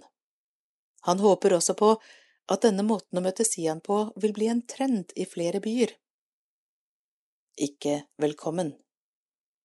Også Kristiansand sin ordfører, Jan Oddvar Skisland Ap, skal holde appell under konserten til Unge ut. dette fordi han ønsker å sende et signal om hvordan han vil at Kristiansand skal være, forteller han. Selv om vi ikke kan nekte dem adgang, så ønsker vi ikke si han velkommen til Kristiansand, sier ordføreren. Han vil benytte anledningen til å komme et helt konkret budskap til byens innbyggere. Kristiansand er en by for alle. Under sin tale vil han også ta opp temaet ytringsfrihet og hatefulle ytringer. Dette er noe han selv kaller krevende problemstillinger. Det skal være en by for alle. Det er problematisk hvordan man da skal ta vare på dem som ikke ønsker dette fellesskapet, sier han. Selv med den krevende problemstillingen mener ordføreren at det er positivt å ta klart avstand fra det Sian står for, ved å være et annet sted enn der de er. Jo tydeligere man tar avstand fra det Sian formidler, jo bedre. Dette er en god måte å markere det store fellesskapet på, mener Skisland. Jeg er ikke rasist, men um, selv om han er blant arrangørene for arrangementet, skal Unge Beirut også fremføre flere låter. Noen av disse har helt klare budskap. Flere av sangene mine er fra det nye albumet mitt som kommer i september. De handler om politikk og hvordan jeg personlig opplever samfunnet og verden. En av dem heter Jeg er ikke rasist, men uh, Grunnen til det er at det er en setning mange bruker før de sier noe rasistisk, forteller han og legger til, det er også noe man sikkert kan høre fra noen av dem i Sian. Hvordan vil du oppsummere deres mål for konserten? Bort med rasisme, ja til samhold. Da skal vi over til eh, problemer i Polen prester mistenkt i én av fire pedofilisaker, av Per Åsmund Reimert. Kommisjonen bak en fersk rapport sier at Den katolske kirke har valgt å ikke dele informasjon om overgrepshistorikk. De er nødt til å samarbeide, sier Eva Bivan i Den katolske kirke i Norge. Polens statskommisjon, som skal etterforske pedofili, har lagt fram sin første rapport, den byr på dyster lesning i det katolske landet. I over én av fire saker, nær 30 prosent, er den mistenkte en prest. Bakgrunnen for at den polske regjeringen i 2019 nedsatte en egen kommisjon for å se på saker knyttet til anklager om pedofili, er blant annet de siste årenes avdekking av overgrepsskandaler i den katolske kirke i Polen. Dette materialet er grusomt, men samtidig er det en drivkraft til å si nok nå, og til å presse oss til å aldri slutte å bekjempe disse motbydelige forbrytelsene, sa Bjaurej Kmietsjak, lederen for kommisjonen, ifølge nyhetstjenesten Notes from Poland. pinlig mange. I den 250 siders lange rapporten har kommisjonen gjennomgått 345 saker knyttet til pedofili, meldt inn mellom 2017 til 2020, flere av dem straffesaker. I rundt 100 av sakene er den mistenkte en prest. Ifølge rapporten har over halvparten av disse sakene blitt sendt til statsadvokatens kontor. Overraskende og pinlig, sier den polske katolikken Eva Bivan, 70 år, om det høye antallet prester. Bivan, som er bosatt i Norge, er prosjektleder i Den katolske kirke Norge, med ansvar for å jobbe med forebygging av seksuelle overgrep i kirken. Hun håper kirken vil samarbeide med kommisjonen, noe kommisjonsleder Kmietsjak har sagt ikke har skjedd ennå. Det er utrolig viktig at kirken samarbeider med statlige myndigheter og gjør alt for å rydde opp i overgrepssaker så fort som mulig, sier Bivan. Nei fra biskoper. I februar og mars sendte kommisjonen forespørsler til polske bispedømmer om å få se dokumenter knyttet til overgrepssaker hvor prester var involvert. Svaret de fikk fra den polske bispekonferansen var nei. Biskopene argumenterte for at de ikke hadde hjemmel til å levere dokumenter til kommisjonen. Vi forventer disse dokumentene, og vi spurte etter dem fordi vi, som statskommisjon bundet av loven, har full rett til å se dem, sa Kmietsiak, som nå har sendt forespørselen videre til troskongregasjonen i Vatikanet. Bivan er positiv til at Kmietsiak ikke gir seg, særlig med tanke på at han selv er en konservativ katolikk. Det at han står på, gjør meg optimistisk fordi det er viktig for den katolske kirke i Polen å avklare de vanskelige sakene og få tilbake tilliten blant de troende. Det har ikke alle biskopene skjønt helt ennå, men prosessen er i gang, sier hun, og legger til. I andre land enn Polen trenger man ikke å spørre om tillatelse fra Vatikanet. I Norge har vi en klar instruks fra biskopene om å samarbeide med myndighetene, forklarer hun sakte endring.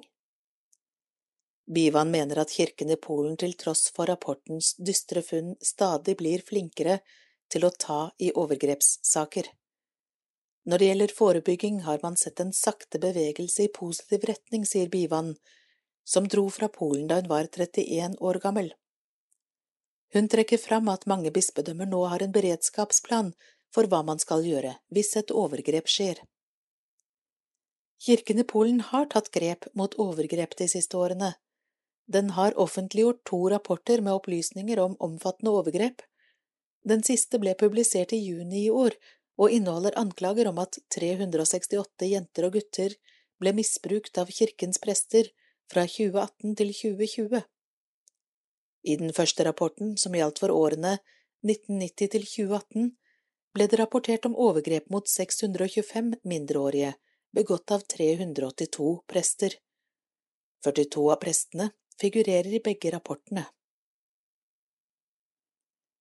Da skal vi over til borgerlig valgkamp i Norge. Serverer maktløfter og garanterer for fritidskortet. Dette er et lag som tar avspark. Saken er skrevet av Per Anders Hoel. I kamp mot rød-grønne serverer regjeringstoppene ny løftepakke for å inkludere flere.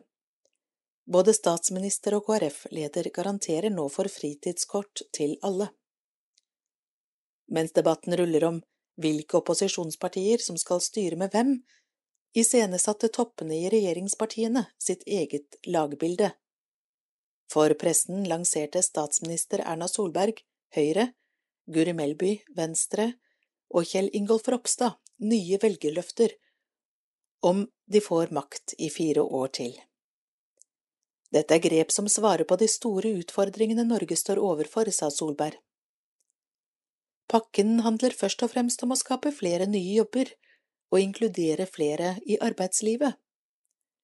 Men blant løfter om redusert formuesskatt, viktig infrastruktur, gründerpermisjon, rulles det også ut søskenrabatt for familier med barn i både SFO og barnehage, og mer fleksibelt barnehageopptak, og altså satsing på fritidskortet. Ropstad gir en garanti. For KrF har kortet vært en fanesak.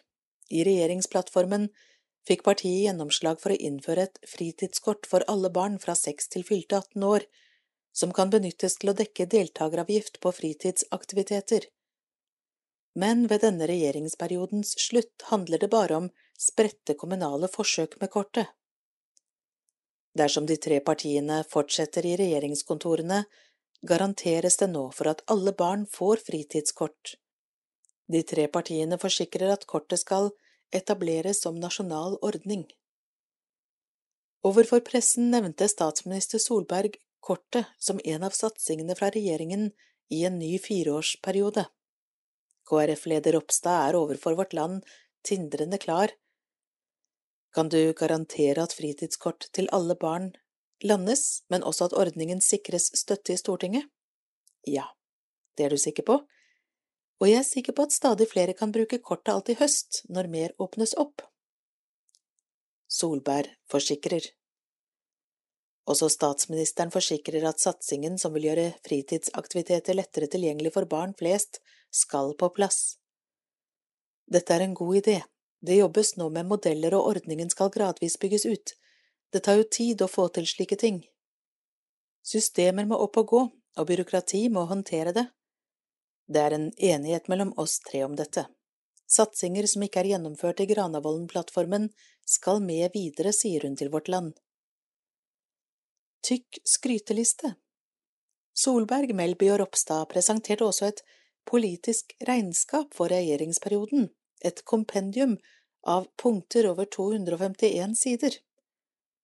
Skulle dagens regjeringstrio vinne fortsatt makt, vil hovedjobben være å få vekst og arbeidsplasser opp igjen etter koronakrisen. En av de største utfordringene er å få flest mulig tilbake i arbeidslivet, sa Solberg. Og det politiske regnskapet viser at prosjekter denne regjeringen tar på seg, blir gjennomført, fortsatte hun. De trenger Frp. Men om mindretallsregjeringen trosser rød-grønn motvind, vil den fortsatt være avhengig av støtte fra et stadig mer uavhengig Frp i Stortinget. Vi må erkjenne at vårt grunnlag for å styre inkluderer de som stemmer Frp. Jeg opplever ikke at Frp har noe ønske om å gå inn i regjering nå, men vi må snakke med Frp om politiske løsninger fremover, sa statsministeren. Med rød-grønn uklarhet om hvem som kan dele regjeringsspor som bakteppe, vektla Venstre-leder Melby at de tre partiene står samlet om en fremtidskurs. Jeg håper velgerne ser hvem som er tydelige om hva de vil gjennomføre sammen, sa hun. Kjempe for egne saker. Men både Venstre og KrF ligger før valgkampinnspurten fortsatt under sperregrensen. KrF-leder Ropstad bemerket at selv om de tre er et lag, går de inn i en valgkamp der vi kjemper for egne saker. For KrF handler det om familien og valgfrihet. Egne verdisaker er kanskje viktigere for KrF enn de nye løftene, Ropstad? Ja, men det handler mye om å få frem forskjeller mellom oss tre og opposisjonen, men også mellom oss tre, svarer han til Vårt Land. Regjeringskollega Melby står foran samme store oppgave som KrF-lederen. Alt vil ukene fremover handle om å berge partiet over sperregrensen for utjevningsmandater. Hva i den nye pakken fra regjeringspartiene kan bidra til å løfte Venstre over grensen? Egentlig alle de ti punktene. Skape nye arbeidsplasser samtidig som utslippene kuttes. Det er kjernen i valgkampen vår, svarer hun. Stort fellesskap Statsminister og Høyre-leder Solberg vektlegger overfor Vårt Land at satsingene viser et stort fellesskap mellom de tre regjeringspartiene. Men hva er gullkortene for å løfte makkerne over sperregrensen? Det er klart at det som fremmes om familiepolitikk og barns oppvekst er viktige kort for KrF. Om skole og klima er alle partiene enige, men satsingene viser et sterkere press fra Venstre, svarer statsministeren. Stø kurs? Men hovedkursen for trioen, om det blir fire nye år, bygger i stor grad på dagens regjeringsplattform. Partiene entrer ikke valginnspurten med splitter ny politikk. I sin tid var det å vise stø kurs også et varemerke for daværende Ap-statsminister Gro Harlem Brundtland. Når dere ikke sjøsetter mange helt nye satsinger, er det stø kurs som gjelder også fra dere? For en regjering som har vært så produktiv som vår, vil det være naturlig å videreføre og gjennomføre. Men i norsk politikk er det ofte sånn, du skal skape noe nytt hver gang du møter en journalist. Slikt skaper derimot dårlig styring, svarer statsministeren. Men dere skal altså vinne på stø kurs? Nei, vi skal vinne på å skape nye jobber og inkludere flere i arbeidslivet. Da skal vi en tur innom eh, Tokyo og politikk. Redd for å bli fengslet i hjemlandet av Håkon Vatnar Olsen. OL-utøvere opplever stor motstand fordi de ytrer seg. En hviterussisk sprintløper frykter fengsel etter at hun kritiserte landets idrettsledelse. Sprintløperen Kristina Tsimanovskaja fra Hviterussland ble søndag beordret hjem fra OL av den hviterussiske olympiske komité. Bakgrunnen var at hun ytret kritikk mot landets idrettsledelse på sosiale medier. På flyplassen tok Tsimanovskaja kontakt med politiet og kom seg til den polske ambassaden for å søke asyl. Hun har fått tilbud om asyl på humanitært grunnlag i Polen. Også Tsjekkia har tilbudt asyl for Timanovskaja. Jeg er ikke redd for å bli sparket ut av landslaget, jeg er redd for at jeg kan bli fengslet hjemme i Hviterussland. Delegatene her forteller at ordren om å bli kvitt meg kom fra øverste hold, sier Timanovskaja til Tribuna, gjengitt av NRK. Støttes av IOC. Ifølge BBC har IOC bedt den hviterussiske olympiske komité om å redegjøre for saken. Timanovskaja har forsikret oss om at hun føler seg trygg. Vi var i dialog med henne rundt midnatt i går og har snakket med henne på nytt i dag tidlig for å få klarhet i hva hun ønsker. Vi vil støtte henne i den avgjørelsen, sier IOC-talsmann Mark Adams. Den hviterussiske olympiske komité har tidligere ytret at Simanovskaja ble tatt av laget på grunn av sin emosjonelle og psykologiske tilstand. Selv mener Simanovskaja at hun har blitt tatt av laget fordi hun har kritisert det hun beskriver som neglisjering fra trenerne. Til Tribuna sier hun at den hviterussiske olympiske komité lyver om hvorfor hun er blitt kastet ut av laget. Ingen leger har snakket med meg, Ingen har undersøkt meg.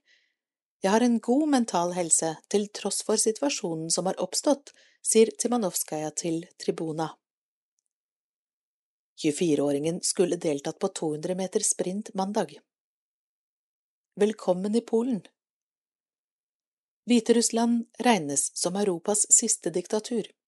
Siden Aleksandr Lukasjenko tok over som president i 1994, har landet blitt mindre demokratisk. Behandlingen av Timanovskaja føyer seg inn i en lang rekke av hendelser som Hviterussland får sterk kritikk for. Tidligere i år beordret Lukasjenko et passasjerfly ned på bakken. Om bord satt journalisten og aktivisten Roman Protasevitsj, som ble arrestert på flyplassen. Ifølge Vjasna skal over 600 personer være politiske fanger i landet. Martin Prysjtasj, Polens utenriksminister, skrev på Twitter at Simanovskaja er velkommen til å fortsette idrettskarrieren i Polen. Polen er klare til å hjelpe Kristina Simanovskaja, en hviterussisk idrettsutøver beordret av Lukasjenkas regime om å returnere fra OL til Minsk, skriver den polske utenriksministeren på Twitter. Kan straffes. Også andre utøvere møtes med makt etter å ha markert standpunkt. Da amerikanske Raven Saunders kom på andreplass i kulestøt i helgen, benyttet hun anledningen på podiet for å markere støtte til undertrykte. Dette bryter med reglene for utøverne, og IOC undersøker nå om hun skal straffes. Under medaljeseremonien krysset hun hendene over hodet, som skulle symbolisere veikrysset der alle undertrykte mennesker møtes. Dette går ut til alle svarte mennesker, LHBTQ-personer, alle som sliter med mental helse, sa Saunders etter seremonien. Saunders er selv lesbisk og har vært åpen om egen depresjon. IOC undersøker. OL-reglementet sier at ingen demonstrasjoner eller politisk, religiøs eller raserelatert propaganda skal være tillatt under OL. Forrige måned tillot Den internasjonale olympiske komité, IOC, at utøverne kan ytre seg i konkurransen og på pressekonferanser, men medaljeseremonien skal fortsatt være fri for markeringer. På en pressekonferanse mandag sa IOC-talsmann Mark Adams at de undersøker markeringen. Det er ennå uvisst om de vil gi Saunders sanksjoner. Saunders skrev på Twitter at hun vil løpe over grensen om IOC vil forsøke å ta medaljen fra henne. Saunders tror at hennes andreplass i konkurransen vil inspirere andre. Jeg vet jeg vil inspirere mange unge jenter, unge gutter, LHBTQ-personer og personer som har kjempet mot selvmordstanker. Dette handler ikke bare om meg, sa hun. Nå blir det verdidebatt. Første innlegg er av Eva Røyne, psykolog, og handler om Mustafa Hassans asylsak. Hans mor er en heltinne.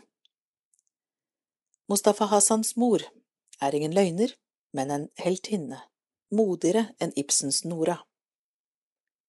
Hun er opphavet til det som er blitt kjent som Mustafa-saken, beskrevet som løgner, lovbryter, kriminell, sendt tilbake dit hun kom fra, sammen med halvparten av barneflokken. Nå sitter Mustafa Hassan på pinebenken og venter på om han skal få bli hos sin nå eneste bror og med mange gode venner i et godt miljø. Etter 13 år i Norge fikk han hele sommerferien på å grue seg til avgjørelsen, som igjen ble utsatt i våres. Som ekstra byrde må han bære morens ettermæle. Nå får han på nytt sjansen til å få oppholdstillatelse i Norge, men dette handler ikke bare om Mustafa. Saken setter et grelt lys på norsk flyktningpolitikk generelt, Utlendingsnemnda spesielt, barnevern og kvinnesak sett i globalt perspektiv.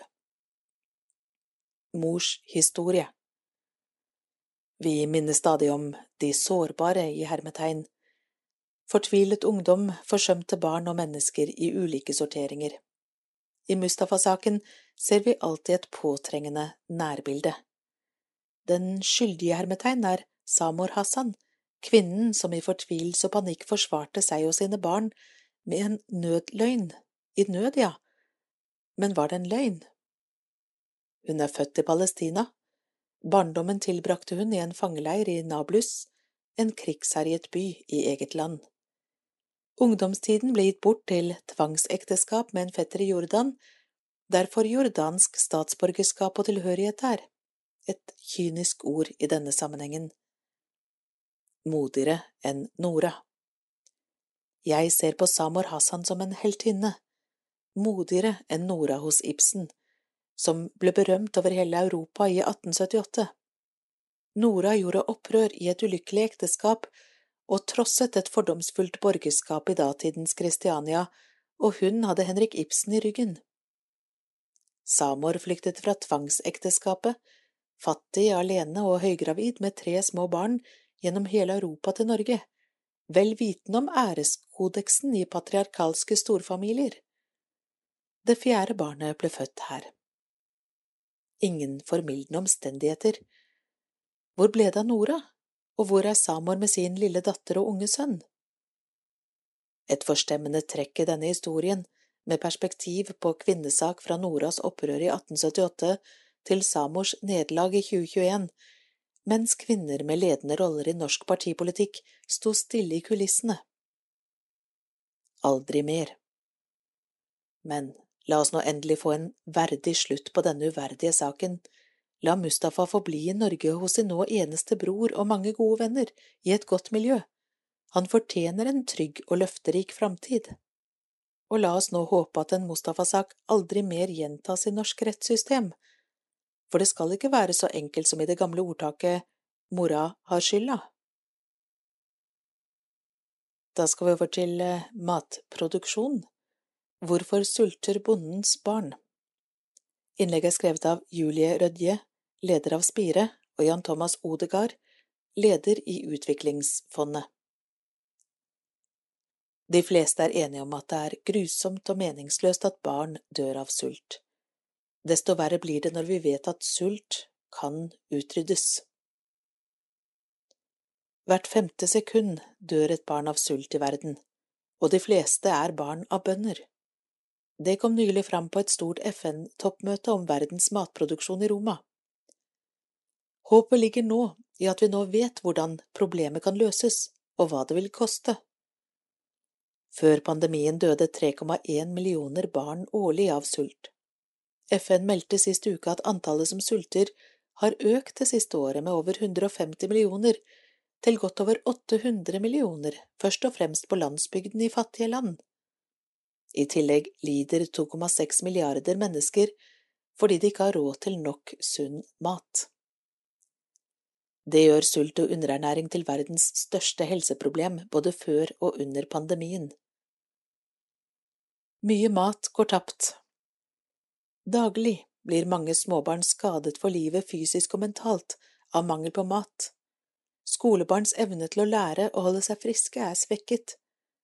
For de som spiser nok sunn mat hver dag, er det umulig å fatte lidelsene én av ni personer i verden utsettes for daglig. Alle regjeringene, organisasjonene og bedriftene som møttes i Roma, var enige om at dette ikke er akseptabelt. Det var også full enighet om at matmangel ikke er problemet. Det er riktignok et stort problem at en tredel av maten går tapt underveis, fra jord til bord og i mattap, men det er likevel nok til alle. Det er mye fokus på at sult øker på grunn av konflikt, økende klimaendringer og tap av natur. Men sult er først og fremst et rettighets- og fordelingsproblem som rammer hardest de fattige på landsbygda, og aller mest marginaliserte, som kvinner, ungdom og minoriteter, som for eksempel urfolk.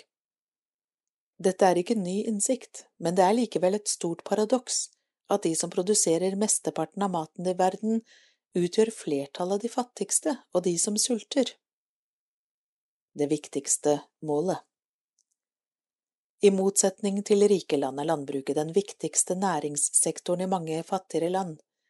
Sektoren er livsviktig fordi vi alle trenger nok næringsrik mat hver dag, og fordi landbruk er livsgrunnlaget for over 545 millioner småbønder over tre milliarder mennesker på landsbygda. Samtidig truer dagens matproduksjon verdens naturmangfold og bidrar med en tredel av de globale klimagassutslippene. Det betyr at sultproblemet og natur- og klimakrisa må løses sammen. På møtet framhevet derfor mange at bærekraftsmål to, å utrydde sult, er det viktigste globale målet og en forutsetning for å nå mange av de andre målene som fattigdomsbekjempelse, arbeidsplasser, bedre helse, utdanning, likestilling og miljø. Satse på småbøndene Så hvordan kan vi nå dette målet? Over tre dager med møter i Roma har vi hørt forslag til løsninger, men mange kan oppsummeres i konklusjonen fra en stor, ny studie kalt Ceres 2030. I den har 80 forskere analysert en halv million artikler og rapporter fra utviklingsfeltet for å finne ut hva som mest effektivt kan utrydde sult og underernæring på en bærekraftig måte. Studien konkluderer at vi må satse stort på verdens småbønder gjennom ti konkrete tiltak. Disse vil øke og gjøre matproduksjonen bærekraftig, bedre småprodusentenes mulighet til å få varene sine til markedet og gi støtte og yrkesmuligheter til de mest sårbare, som landløse løsarbeidere.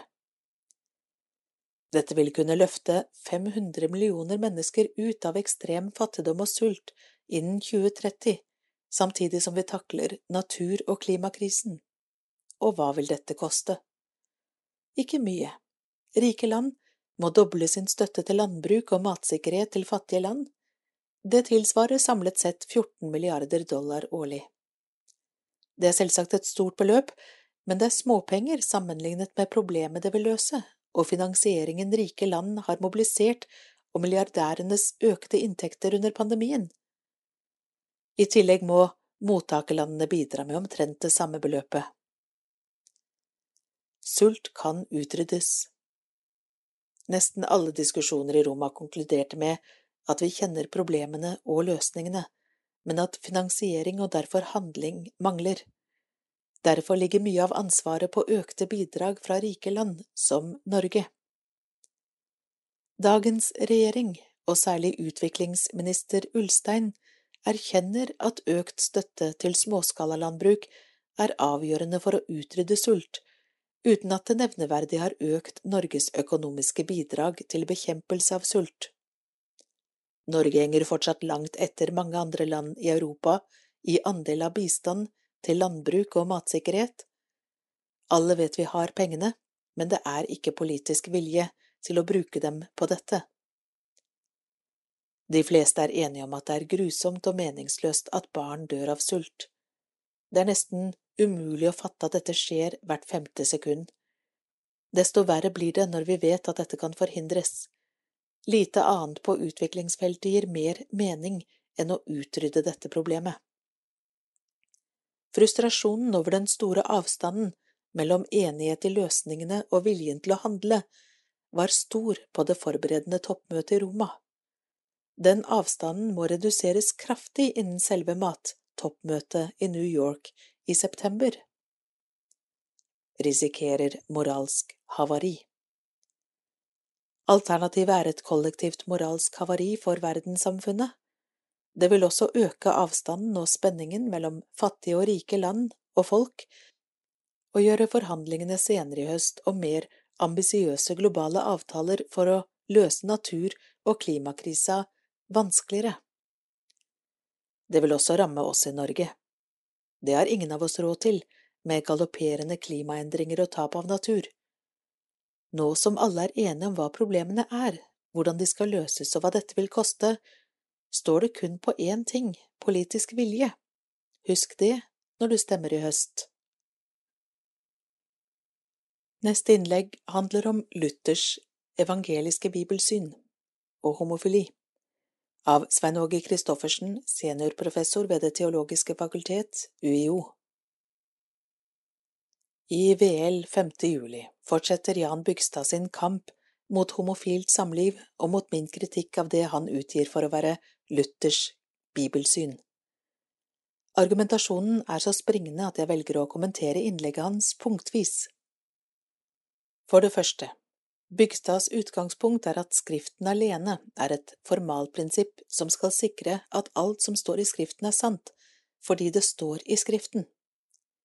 Etter at jeg i VL 22.6. påpekte at Skriften alene ikke er et formalprinsipp i Luthers teologi, innrømmer Bygstad at formalprinsippet må ses i sammenheng med det han kaller for materialprinsippet, som for Luther var Skriftens sentrale innhold og budskap, og det er jo noe. Men heller ikke dette skillet mellom et formalprinsipp og et materialprinsipp finner vi hos Luther. Skillet dukket opp først en gang på 1800-tallet, som en nødløsning for om mulig å berge formalprinsippet fra Luthers evangeliske bibelsyn og bibelkritikk. Bygstads innlegg demonstrerer nettopp dette. Materialprinsippet får ingen konsekvenser for hans bruk av formalprinsippet. Han står fremdeles på god avstand fra Luthers bibelsyn. Evangeliets blivende vilje For det andre, Bygstad ser ut til å mene at Luthers bibelkritikk i fortalene til den tyske utgaven av Det nye testamentet anno 1522 må kunne skrives på kontoen for ungdommelig umodenhet. Luthers bibelkritikk er imidlertid et lærestykke for hvordan Bibelen skal leses og brukes på evangelisk vis.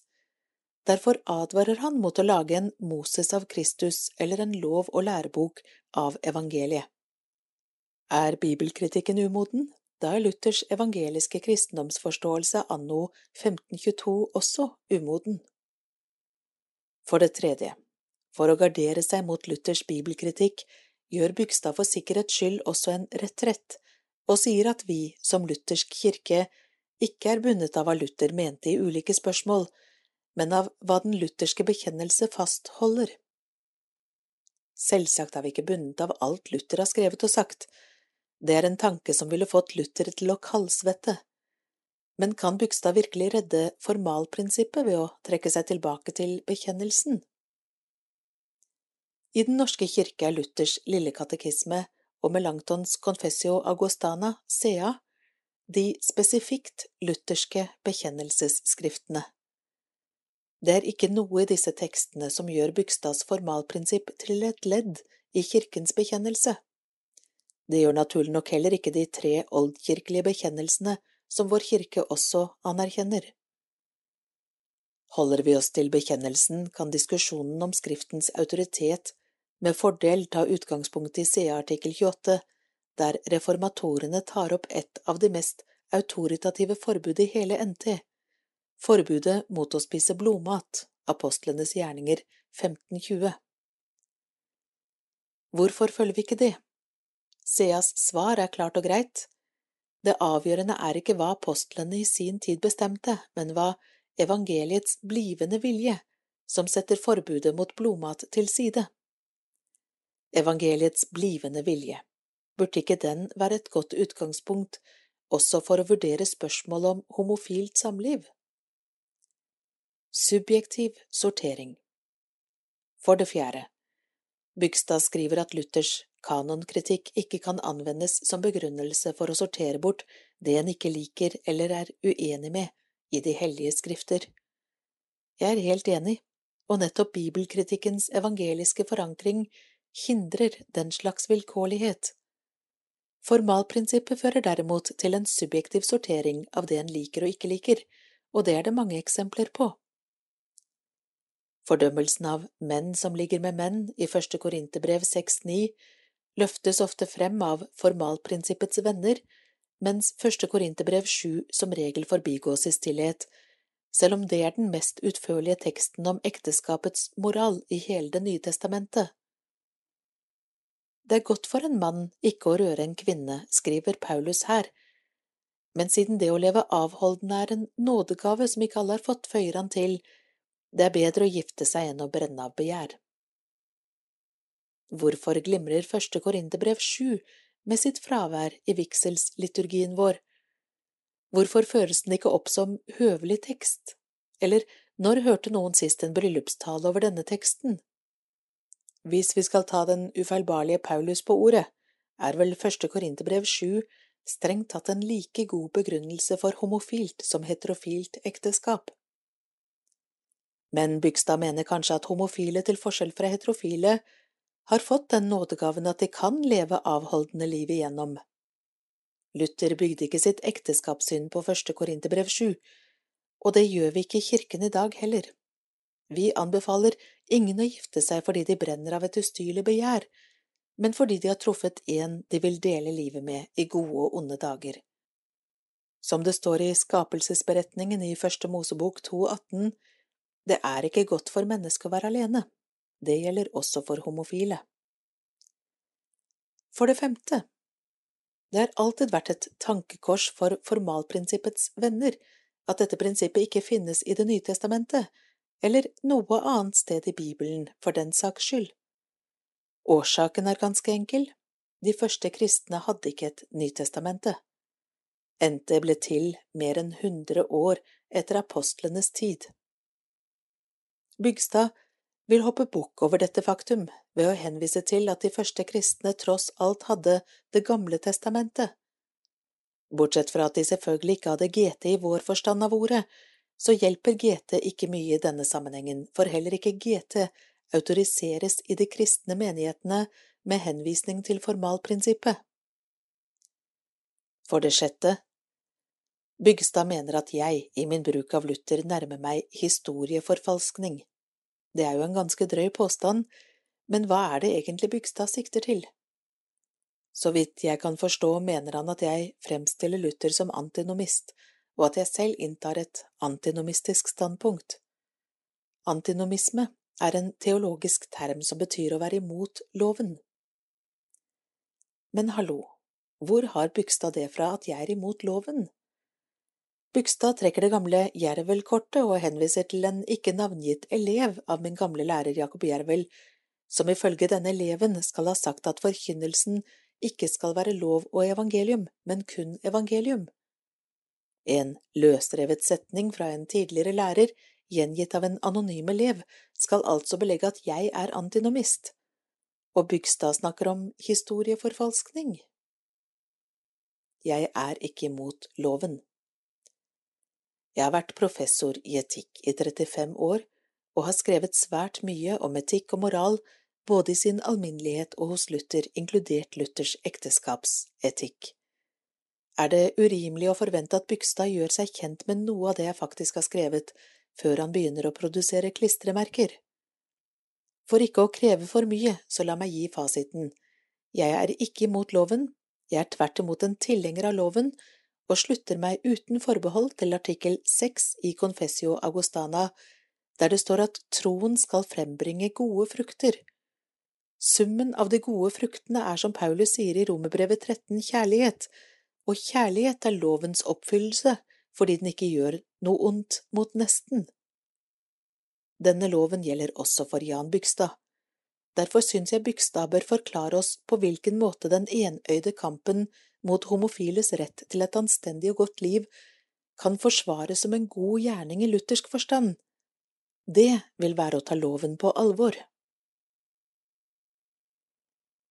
Kultur En eh, filmanmeldelse Det er filmen The World To Come, regi Mona Fastvold. Anmeldelsen er skrevet av Einar Aarevik. Lengsel som drivkraft. Med den underspilte og dempede The World To Come markerer norske Mona Fastvold seg som en av sin generasjons fremste filmskapere. Mens regissører som Harald Svart, Tommy Wirkola, Joakim Rønning og Espen Sandberg har pleid et nært forhold til norsk presse i arbeidet med og lanseringen av sine amerikanske filmer, har Mona Fastvold fra Jar gått stillere i dørene. Etter en kort karriere som skuespiller, som blant annet inkluderer 65 episoder av Hotell Cæsar, debuterte hun som filmskaper med Søvngjengeren i 2014. Store spørsmål Det engelskspråklige firkantdramaet fikk premiere ved den toneangivende Sundance-festivalen, og ble startskuddet på en amerikansk karriere, hovedsakelig som manusforfatter på ektemannen Brady Corbays filmer. Ingen av dem har berøringsangst for store spørsmål, selv om formspråket er nokså sobert. The Childhood of a Leader tok for seg oppveksten til en kommende despot i mellomkrigstidens Frankrike, mens Vox Lux 2018 var en blendende speilhallopplevelse om samspillet mellom en popartist, publikum og en deprimerende tidsånd. Blomstring The World To Come er basert på en novelle av Jim Shepherd, som er kjent for nitid research i sin gjengivelse av historiske hendelser. Shepherd har blant annet tatt for seg skjellsettende rettssaker og store ulykker, som jordskjelv og Tsjernobyl-nedsmeltningen. I filmen er vi nord på den amerikanske østkysten, det er midt på 1800-tallet, og tilværelsen er en kamp. Ekteparet Abigail og Dyer dyrker jorden og holder høner og kuer, men dagene er sorgtunge og fattige på mening etter at de mistet sin fireårige datter i difteri. Jeg har blitt til sorgen, sier Abigails fortellerstemme, en økonomisk opplesning av nøkterne dagboknotater. Men samtidig med at vinteren gir plass til vår og blomstring, dukker et annet par opp, den vitale Tally og den biske ektemannen Finny. De to kvinnene finner glede og trøst i hverandre, og et kjærlighetsforhold begynner å gro i hemmelighet. Lengsel Tittelen er bibelsk og spiller på at vår egen tid og verden, full av feilbarlighet og ulykke, skal erstattes av en ny og bedre. Filmen lager lykkeligvis ikke spenning av den forbudte kjærligheten, den prioriterer komplekse indre stemninger foran tradisjonell historiefortelling. Lengsel etter en annen tilværelse er filmens viktigste drivkraft, men kvinnene har verken virkemidler eller språk til å bryte ut av det tause, ofte voldelige patriarkatet. Tally må avfinne seg med å bli mishandlet av ektemannen, som rettferdiggjør slag og aggresjon med sitatet fra Det gamle testamentet. Tilgang Til tross for overbevisende kostymer og andre tidsriktige detaljer ofte av landbruksteknisk art, er formspråket mer poetisk enn realistisk.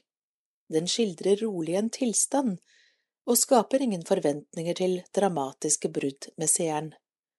Når The World to Come likevel aldri føles monoton eller seig, er det på grunn av den mesterlige forvaltningen av menneskelige følelser. Rytmen, utsnittene, musikken, været. Alt gir oss tilgang til Abigails sinnstilstander. Amerikanske Catherine Waterstone, kjent fra Fabeldyr-serien og norske Amundsen, gestalter hovedpersonen særdeles finstemt, ørsmå ansiktsuttrykk og ingen fakter viser følelsene fortellerstemmen utelater. Dagboknotatene makter kun å uttrykke begivenhetene og stemningsleiene med datidens arkaiske og begrensende språk. Kontrasten mellom fortellerstemmen og nærbilder får oss til å lete etter egne ord og sette på det vi ser. Daniel Bloombergs moderne musikk domineres av fagotter, tonene skaper en nysgjerrig friksjon med bildene. Selvsikkert The World to Come høstet trampeklapp og stående applaus da den ble vist på filmfestivalen i Venezia i fjor. Den er en dempet og vakker historie om å finne håp og varme i sorg og kulde, intelligent og følelsesbetont og selvsikkert fortalt. Med filmen markerer Mona Fastvold seg som en av de fremste regissørene i sin generasjon, og det må være lov å krysse fingrene for at hun også blir stor her i Norge. Vi skal over til kor, kirkemusikk. Oslo domkirke satser på kor, av Maria Birkeland Olerud. For første gang siden 1970-tallet skal ti gullstruper få betalt for å synge i et helproft ensemble i Oslo domkirke. Den norske kirke har en frivillighetskultur som er veldig verdifull, og på korfeltet er det mye frivillighet. Men ellers i samfunnet skal man få betalt for kompetansen man har og jobben man gjør. Der henger vi etter i kirka, sier domkantor Vivianne Sydnes i Oslo domkirke. Musikkhøyskoleprofessor Sydnes er dirigent og kunstnerisk leder for et nytt og midlertidig profesjonelt ensemble. Stiftelsen Oslo Domkor søker nemlig ti deltidsgullstruper i en jobbannonse på Finn. Sangerne inngår i et prøveprosjekt for Den norske kirke, DNK. Oslo Domkor har fått 150 000 kroner fra Kirkerådet. Dette er det første rene kirkeensemblet i Oslo som får betalt så lenge jeg har jobbet, sier korleder Sydnes. På tide. Domkantoren påpeker at både Danmark og England har tradisjoner for profesjonelle kor i alle større kirker. Så dette er ikke banebrytende i europeisk sammenheng. Det er på tide at også vi får det til. Intensiveringen på korfeltet i kirkemusikken i Norge, sier Sydnes. Prøveprosjektet er en del av et prosjekt som skal gi DNK erfaring for å kunne bygge profesjonelle kor og bedre ta vare på kordelen av den kirkemusikalske kulturarven. Musikkfeltet blir mer og mer profesjonalisert. Det er viktig at kirka er med på utviklingen, og at de eier denne utviklingen, sier korlederen. Risikoen er at det bare er eksterne kor som får profesjonelle sangere, påpeker hun. To millioner. Kirkerådet vedtok i mars å gi to millioner kroner til kirkekulturlivet. Domkirkekor kunne søke på 600 000 til å prøve ut en ordning med profesjonelle sangere. Alle kronene er delt ut, men tildelingslista er foreløpig ikke gjort offentlig. Inger Anne Naterstad er seksjonsleder for gudstjenesteliv og kultur i DNK, og ansvarlig for å dele ut kulturmidlene. Vi vil legge til rette for at korene får erfaring, slik at de kan bli ytterligere profesjonalisert og strekke hals innenfor flere av Kulturrådets tildelingsordninger, sier hun. Går solo Planen er at det nye ensemblet i Oslo domkirke går solo. Sangerne skal danne et eget lite kor, men er tilknyttet Oslo domkor og annet musikkliv i domkirka. Prosjektet vil kunne gi større kunstneriske og religiøse opplevelser, Mye kormusikk er sakral, og for meg er det vesentlig at den blir fremført på best mulig måte i kirkene, i messer og liturgiske sammenhenger, sier Sydnes. Kvalitet er avgjørende, mener hun. Til tross for at utlyste stillinger er midlertidige deltidsstillinger, krever arbeidsgiver både påbegynt eller fullført musikkutdanning og arbeidserfaring som ensemblesanger. Lønn er viktig. Det er grenser for hvor mye man kan synge uten å få betalt. Det er viktig å gi sangere lønn etter utdanning og kompetanse. Så dette gir en mulighet for sangere som liker å synge i kirken til faktisk å få betalt, sier domkantoren med glimt i øyet. Men din kantorkollega Inger-Lise Ulsrud har tidligere kritisert DNK for å tilby musikere å få faste stillinger, og nå gjøres det igjen. Hun snakket om kantorstillinger, men det er jo en drøm at Oslo domkirke kan ha faste, større stillinger også for sangere, sier Sydnes. Hun håper prosjektet kan føre til nye, sakrale toner på kirkekorfeltet i Norge, og at noe som ligner korprosjektet kan etableres som en fastere ordning på sikt. Gud og hvermann Bibelteksten Jesaja 64, 7 til 65, 2 Men nå, Herre, er du vår far. Vi er leira, du han som former oss. Alle er vi verk av De Han. Herre, vær ikke harm, hugs ikke vår skyld for alltid. Sjå nå hit, alle er vi ditt folk.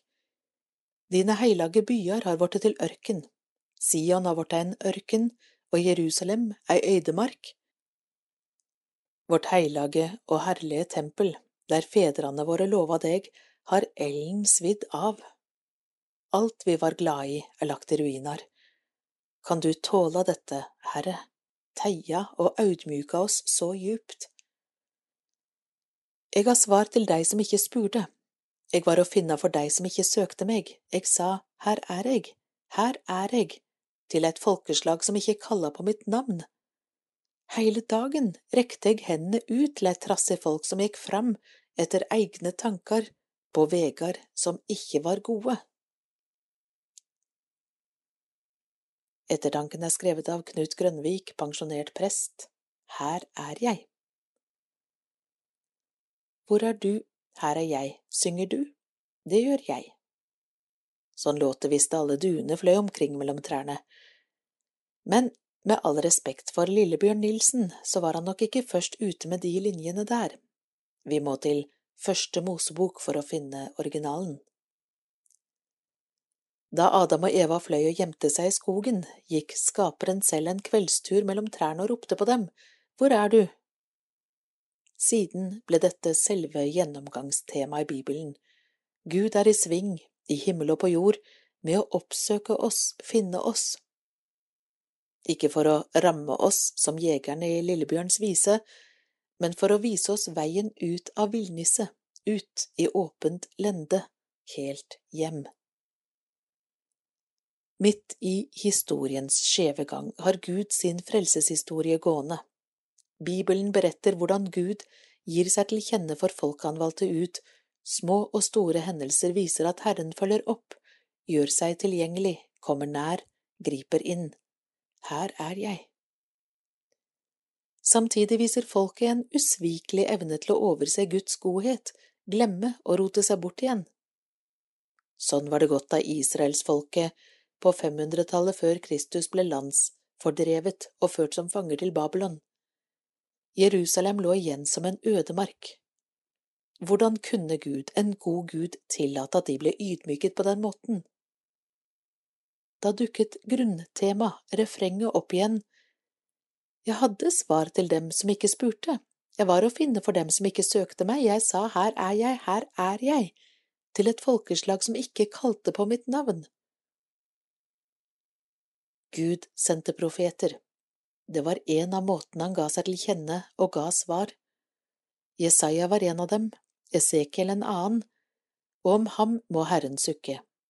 Se, du er for dem lik en som synger kjærlighetsviser med vakker stemme til fin musikk, de hører ordene dine, men lever ikke etter dem. Esekiel 33, 32. Hele dagen rakte jeg hendene ut til et trassig folk, som gikk fram etter sine egne tanker, på veier som ikke var gode. Gud ga likevel aldri opp. 500 år etter dette hjertesukket kom Guds egen sønn til verden og la sine gode, helbredende hender på små og store.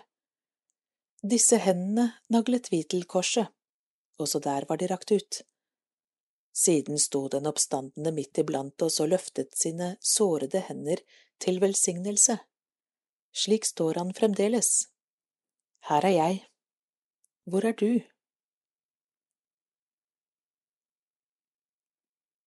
Det var slutten på dagens avis. Ha en fin torsdag.